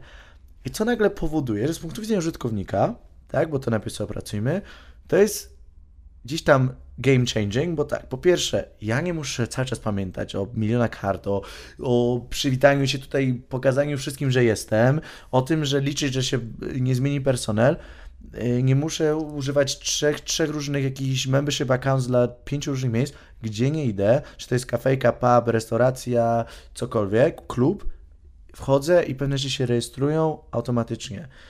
Um, I i wszystko mam w jednym miejscu. Ponadto pojawiają się pewne rekomendacje, pojawiają się, widzisz, co jest wokół ciebie, widzisz, masz najbliższą gdzieś tam nagrodę, różnego rodzaju eventy też. I jakby taka nagle, to jest taki, taki twój po prostu taki przyjaciel codzienny, który ci po prostu wszystko gdzieś tam ogarnia, liczy i taki, taki twój właśnie, no, taki, taki twój buddy po prostu, który zawsze z tobą jest, który zawsze, wiesz, się upewni, że się tobą zajmą, nie? Um, i, i, i to, to, to, było jakby gdzieś tam dla nas kluczowe, żeby to było proste, przyjemne i rozwiązało taki realny problem z punktu widzenia użytkowników i ułatwiło im życie. Z punktu widzenia knajpy to w ogóle jest mind-blowing, moim zdaniem, ponieważ na bazie tego wszystkiego stworzyliśmy cały CRM. Stworzyliśmy, stworzyliśmy coś, czego wcześniej nie było. Bo jeżeli my teraz mamy użytkowników, którzy nie chodzą, jesteśmy w stanie też dać pewną informację, nie na zasadzie personalnych danych, bo je, żeby było jasne, to, to, to jakby je chronimy i tutaj nie ma żadnych wypływów, ale nagle my może jesteśmy w stanie pokazać, że słuchaj, x klientów przychodzi tyle razy, x tyle razy. Ci, co przychodzą regularnie, przychodzą w piątki, ci, co mniej regularnie w poniedziałki. E, nie wiem, e, kobiety w wieku 18-24 są twoimi naj, najbardziej regularnymi klientami, na przykład faceci w wieku 35 do 42 nigdy jakby nie wracają, tak? Czyli ewidentnie coś jest nie tak. Jesteś w stanie dostosować swoje oferty do demografii, do, do pewnych nawyków. Jeżeli widzisz, że ludzie cały czas przychodzą, przychodzą, przychodzą, a nagle widzisz taki drop i ludzie jednak nie wracają, jesteś w stanie od razu zareagować. Jeżeli ludzie wracają, super, wiesz, że wracają, to nie zmieniaj pewne rzeczy za bardzo, tylko postaraj się w tym temacie iść i wiesz też, że jeżeli będą wracali, to ty wiesz, że z punktu widzenia biznes, biznesu możesz zaaranżować, co oni w zamian dostają. To nie jest zależne od tego bar, barmana, menadżera, co on zrobi, tak? Ty jako, jako właściciel, dyrektor, skalując biznes, masz troszkę większą kontrolę. Czyli zostajesz... Bez... W biznesie gastronomicznym tak. też jest super istotne. Nie? Jest kluczowe. Te dane nie istnieją. My tworzymy nowe statystyki, nowe jakby całe dane, których nie było na temat lojalnych klientów i tego, czy, czy kim oni są, w zasadzie jako grupy, a anonimowo, tak? Bo znowu to nie jest tak, że my, to jest bardziej platforma, my, my nie oddajemy tych, tych jakby personalnych danych. Y, I, i, I to jest kluczowe, czyli w tym momencie potrafimy dostos- jakby pomóc restauracjom lepiej działać, co powoduje, że ci klienci są bardziej happy, zarazem nie oddają tego takiej personalnej danej, typu, że nie muszą przyjść im dać ich imiona, nazwiska, maile, wszystko i tak dalej i się w ogóle sprzedać. Użytkownik dostaje benefity, wie, że jak jest regularny, to, to, to, to dostanie ten treatment. I wszystko to jest zrobione tak bardzo effortless, jest tak bez takiego dodatkowego nie wiadomo jakich działań. Użytkownik ma prostą prostą rzecz. Knajpa też, bo knajpy mają mnóstwo adresów e-mailowych, e-mailowych czy, czy, czy, czy imion z różnych rodzajów portali bookingowych, czy nie, ale to jest po prostu Excel sheet y, z tymi imionami i co oni mają z tym zrobić? Oni nie mają czasu tego analizować, oni muszą wiedzieć dokładnie, co mają i jakie są konkluzje można gdzieś tam wyciągnąć. I my to właśnie tworzymy. Ponadto po, po, po, jakby pomagamy im tworzyć pewnego rodzaju bardziej jakby y, stargetowany marketing, bo uważam, że my, jako millennials, my nie mamy problemu z reklamą. My mamy problem, kiedy ta reklama jest tak one size fits all na jednego, bo raz zabukowałem gdzieś w restauracji, to teraz już do końca życia będę dostawał maile o wszystkim, co nie robię, mimo że, nie wiem, przychodzę tam raz na jakiś czas tylko i wyłącznie w, y, w tygodniu, bo pracuję obok. Albo w ogóle byłeś tam raz w życiu. Tak, tak, tak, albo, na, no, albo powiedzmy, że na przykład, nie przychodzę tam tylko w tygodniu, bo to jest miejsce lunchowe, gdzie chodzę, bo mam biuro obok, ale nigdy tam w weekend nie przychodzę, bo mieszkam, nie wiem, pod miastem, a ja będę teraz dostawał do końca życia o ich nowych branczach, będę dostawał maile, tak? Jest to frustrujące i w tym momencie mówisz sobie, w ogóle usuwasz to, nie czytasz tego i oni mogą tam wysłać, mogą mieć milion adresów mailowych, z czego dwie osoby to otworzą, bo mają tego dosyć. Samo na Facebooku wszystkie knajpy wydają ogromne pieniądze na różnego rodzaju promowanie się gdzieś tam, tam przynajmniej, w, w, a to w Warszawie też już widzę, ale, ale, ale jest to gdzieś tam powszechne. Wypuszczanie nowy wieczór, jakiś tam powiedzmy y, gin and tonic, tak, za tak strzelam totalnie trywialnie, w czwartkowy, to teraz walnę, wiesz, wydam tyle i tyle pieniędzy na sponsorowane, wiesz, posty na Facebooku, Instagramie jeszcze zobaczą. I siedzisz i czekasz. Kto to zobaczy? Czy to zobaczą? Czy przyjdą, co zrobią i nie wiesz. Co my robimy? My pozwalamy znowu stworzyć inne kampanie, stworzyć kampanię OK.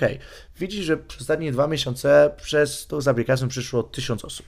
Dwa tysiące osób niech będzie, tak?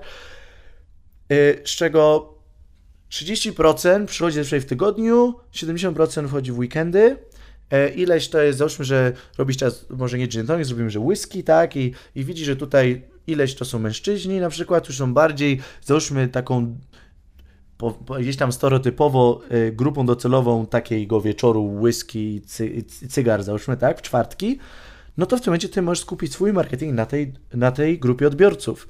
Czyli w tym momencie możesz zrobić notyfikacje bezpośrednio do nich lub e-maila. Znowu, my nie dajemy personalnych danych, oni mogą się skontaktować, ale przez naszą platformę jakby, czyli my chronimy każdą stronę, żeby nie było jakiegoś takiego, no, jakiej nieprzyjemności, tak?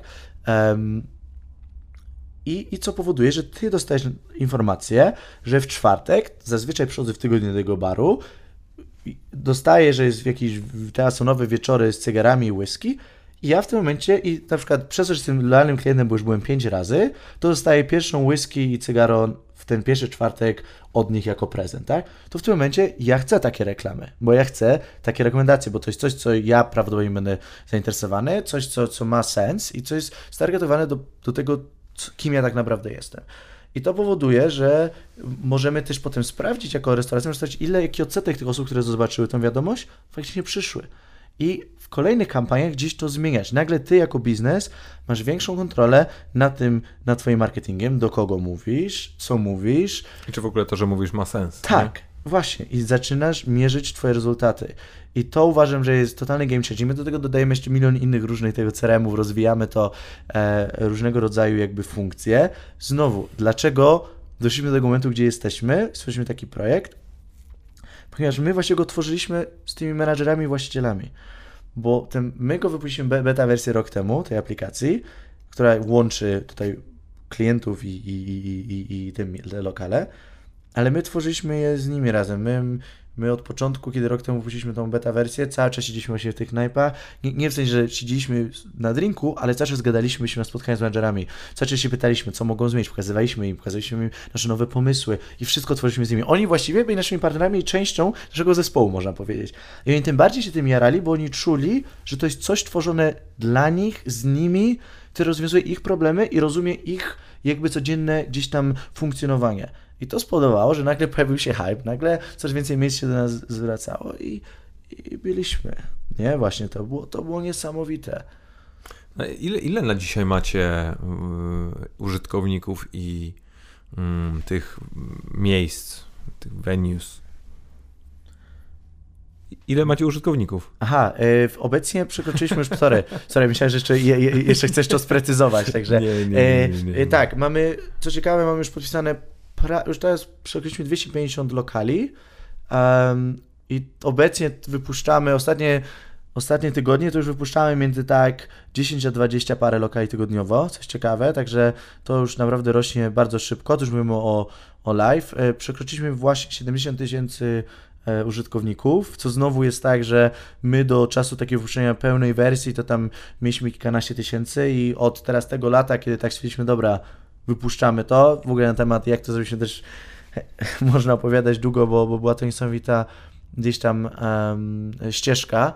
E, I teraz obecnie mówię, no to jest, to, jest, to, jest wzrost na poziomie gdzieś tam miesiąc w miesiąc, to od 15 tysięcy gdzieś tam w, latem, w lipcu do też 70 tysięcy i to już jest wzrost, mówię, po 20 parę tysięcy miesięcznie.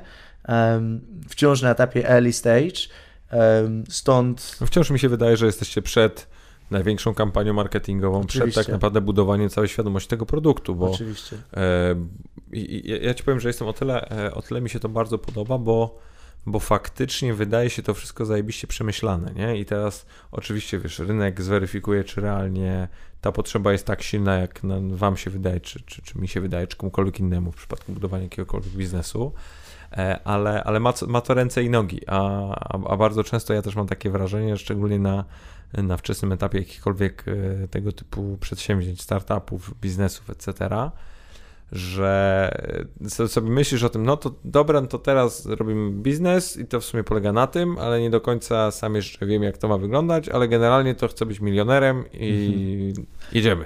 No, no to jest tak, no to, to, to, no to, to jest jedna rzecz oczywiście jakby problem taki, że czasami no to jest takie, taka jazda bez głowy, Albo czasami jest drugą stroną właśnie, że mamy pomysł, wierzymy, że to jest jedyny możliwy i tworzymy go sobie tu przy biurku i wypuszczamy, wypuszczamy na rynek, nie weryfikując tego troszkę z rynka, bo nie tworząc tego. No my z góry wiedzieliśmy, że ok, to ma jakiś tam sens, ale my to musimy stworzyć z ludźmi, z którymi mamy współpracować.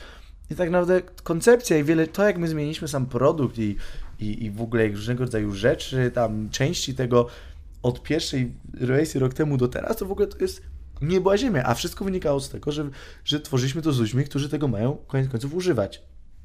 I, I jedna rzecz, ja oczywiście mówię, no to się teraz gdzieś tam dobrze rozwija, zbieramy jakieś tam kolejne rundy coraz więcej ludzi to, to, to o tym mówi, miejsca się nas odzywają, przygotowujemy się do ekspansji do kolejnych miast, yy, yy, no, roś, ile to było, miesiąc temu byliśmy w pewnym momencie na piątym miejscu w, w apkach lifestyle'owych w UK, tak, gdzie taki Tinder akurat był dwa miejsca czy trzy miejsca przed nami, co w ogóle był totalnym, wiesz, jakby zaskoczeniem, biorąc pod uwagę, że, że, że Tinder to już jest to tak, jakby no, no, no totalny... Hegemon. Tak, tak, hegemon, tak? Gdzie, gdzie a, a my jeszcze tutaj ważniejszą na, potrzebę.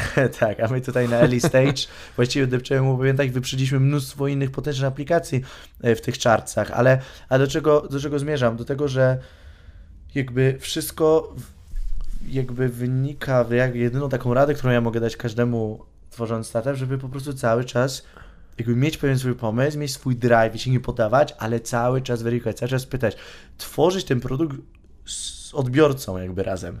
Oczywiście, ty kreujesz pewne nowe rzeczy i nie możesz wziąć wszystkiego to, co on powie, jako już kon konkretnie, bo też musisz edukować użytkowników czy, czy klientów, ale niech to będzie taki nawóz do twoich jakby przemyśleń, tak?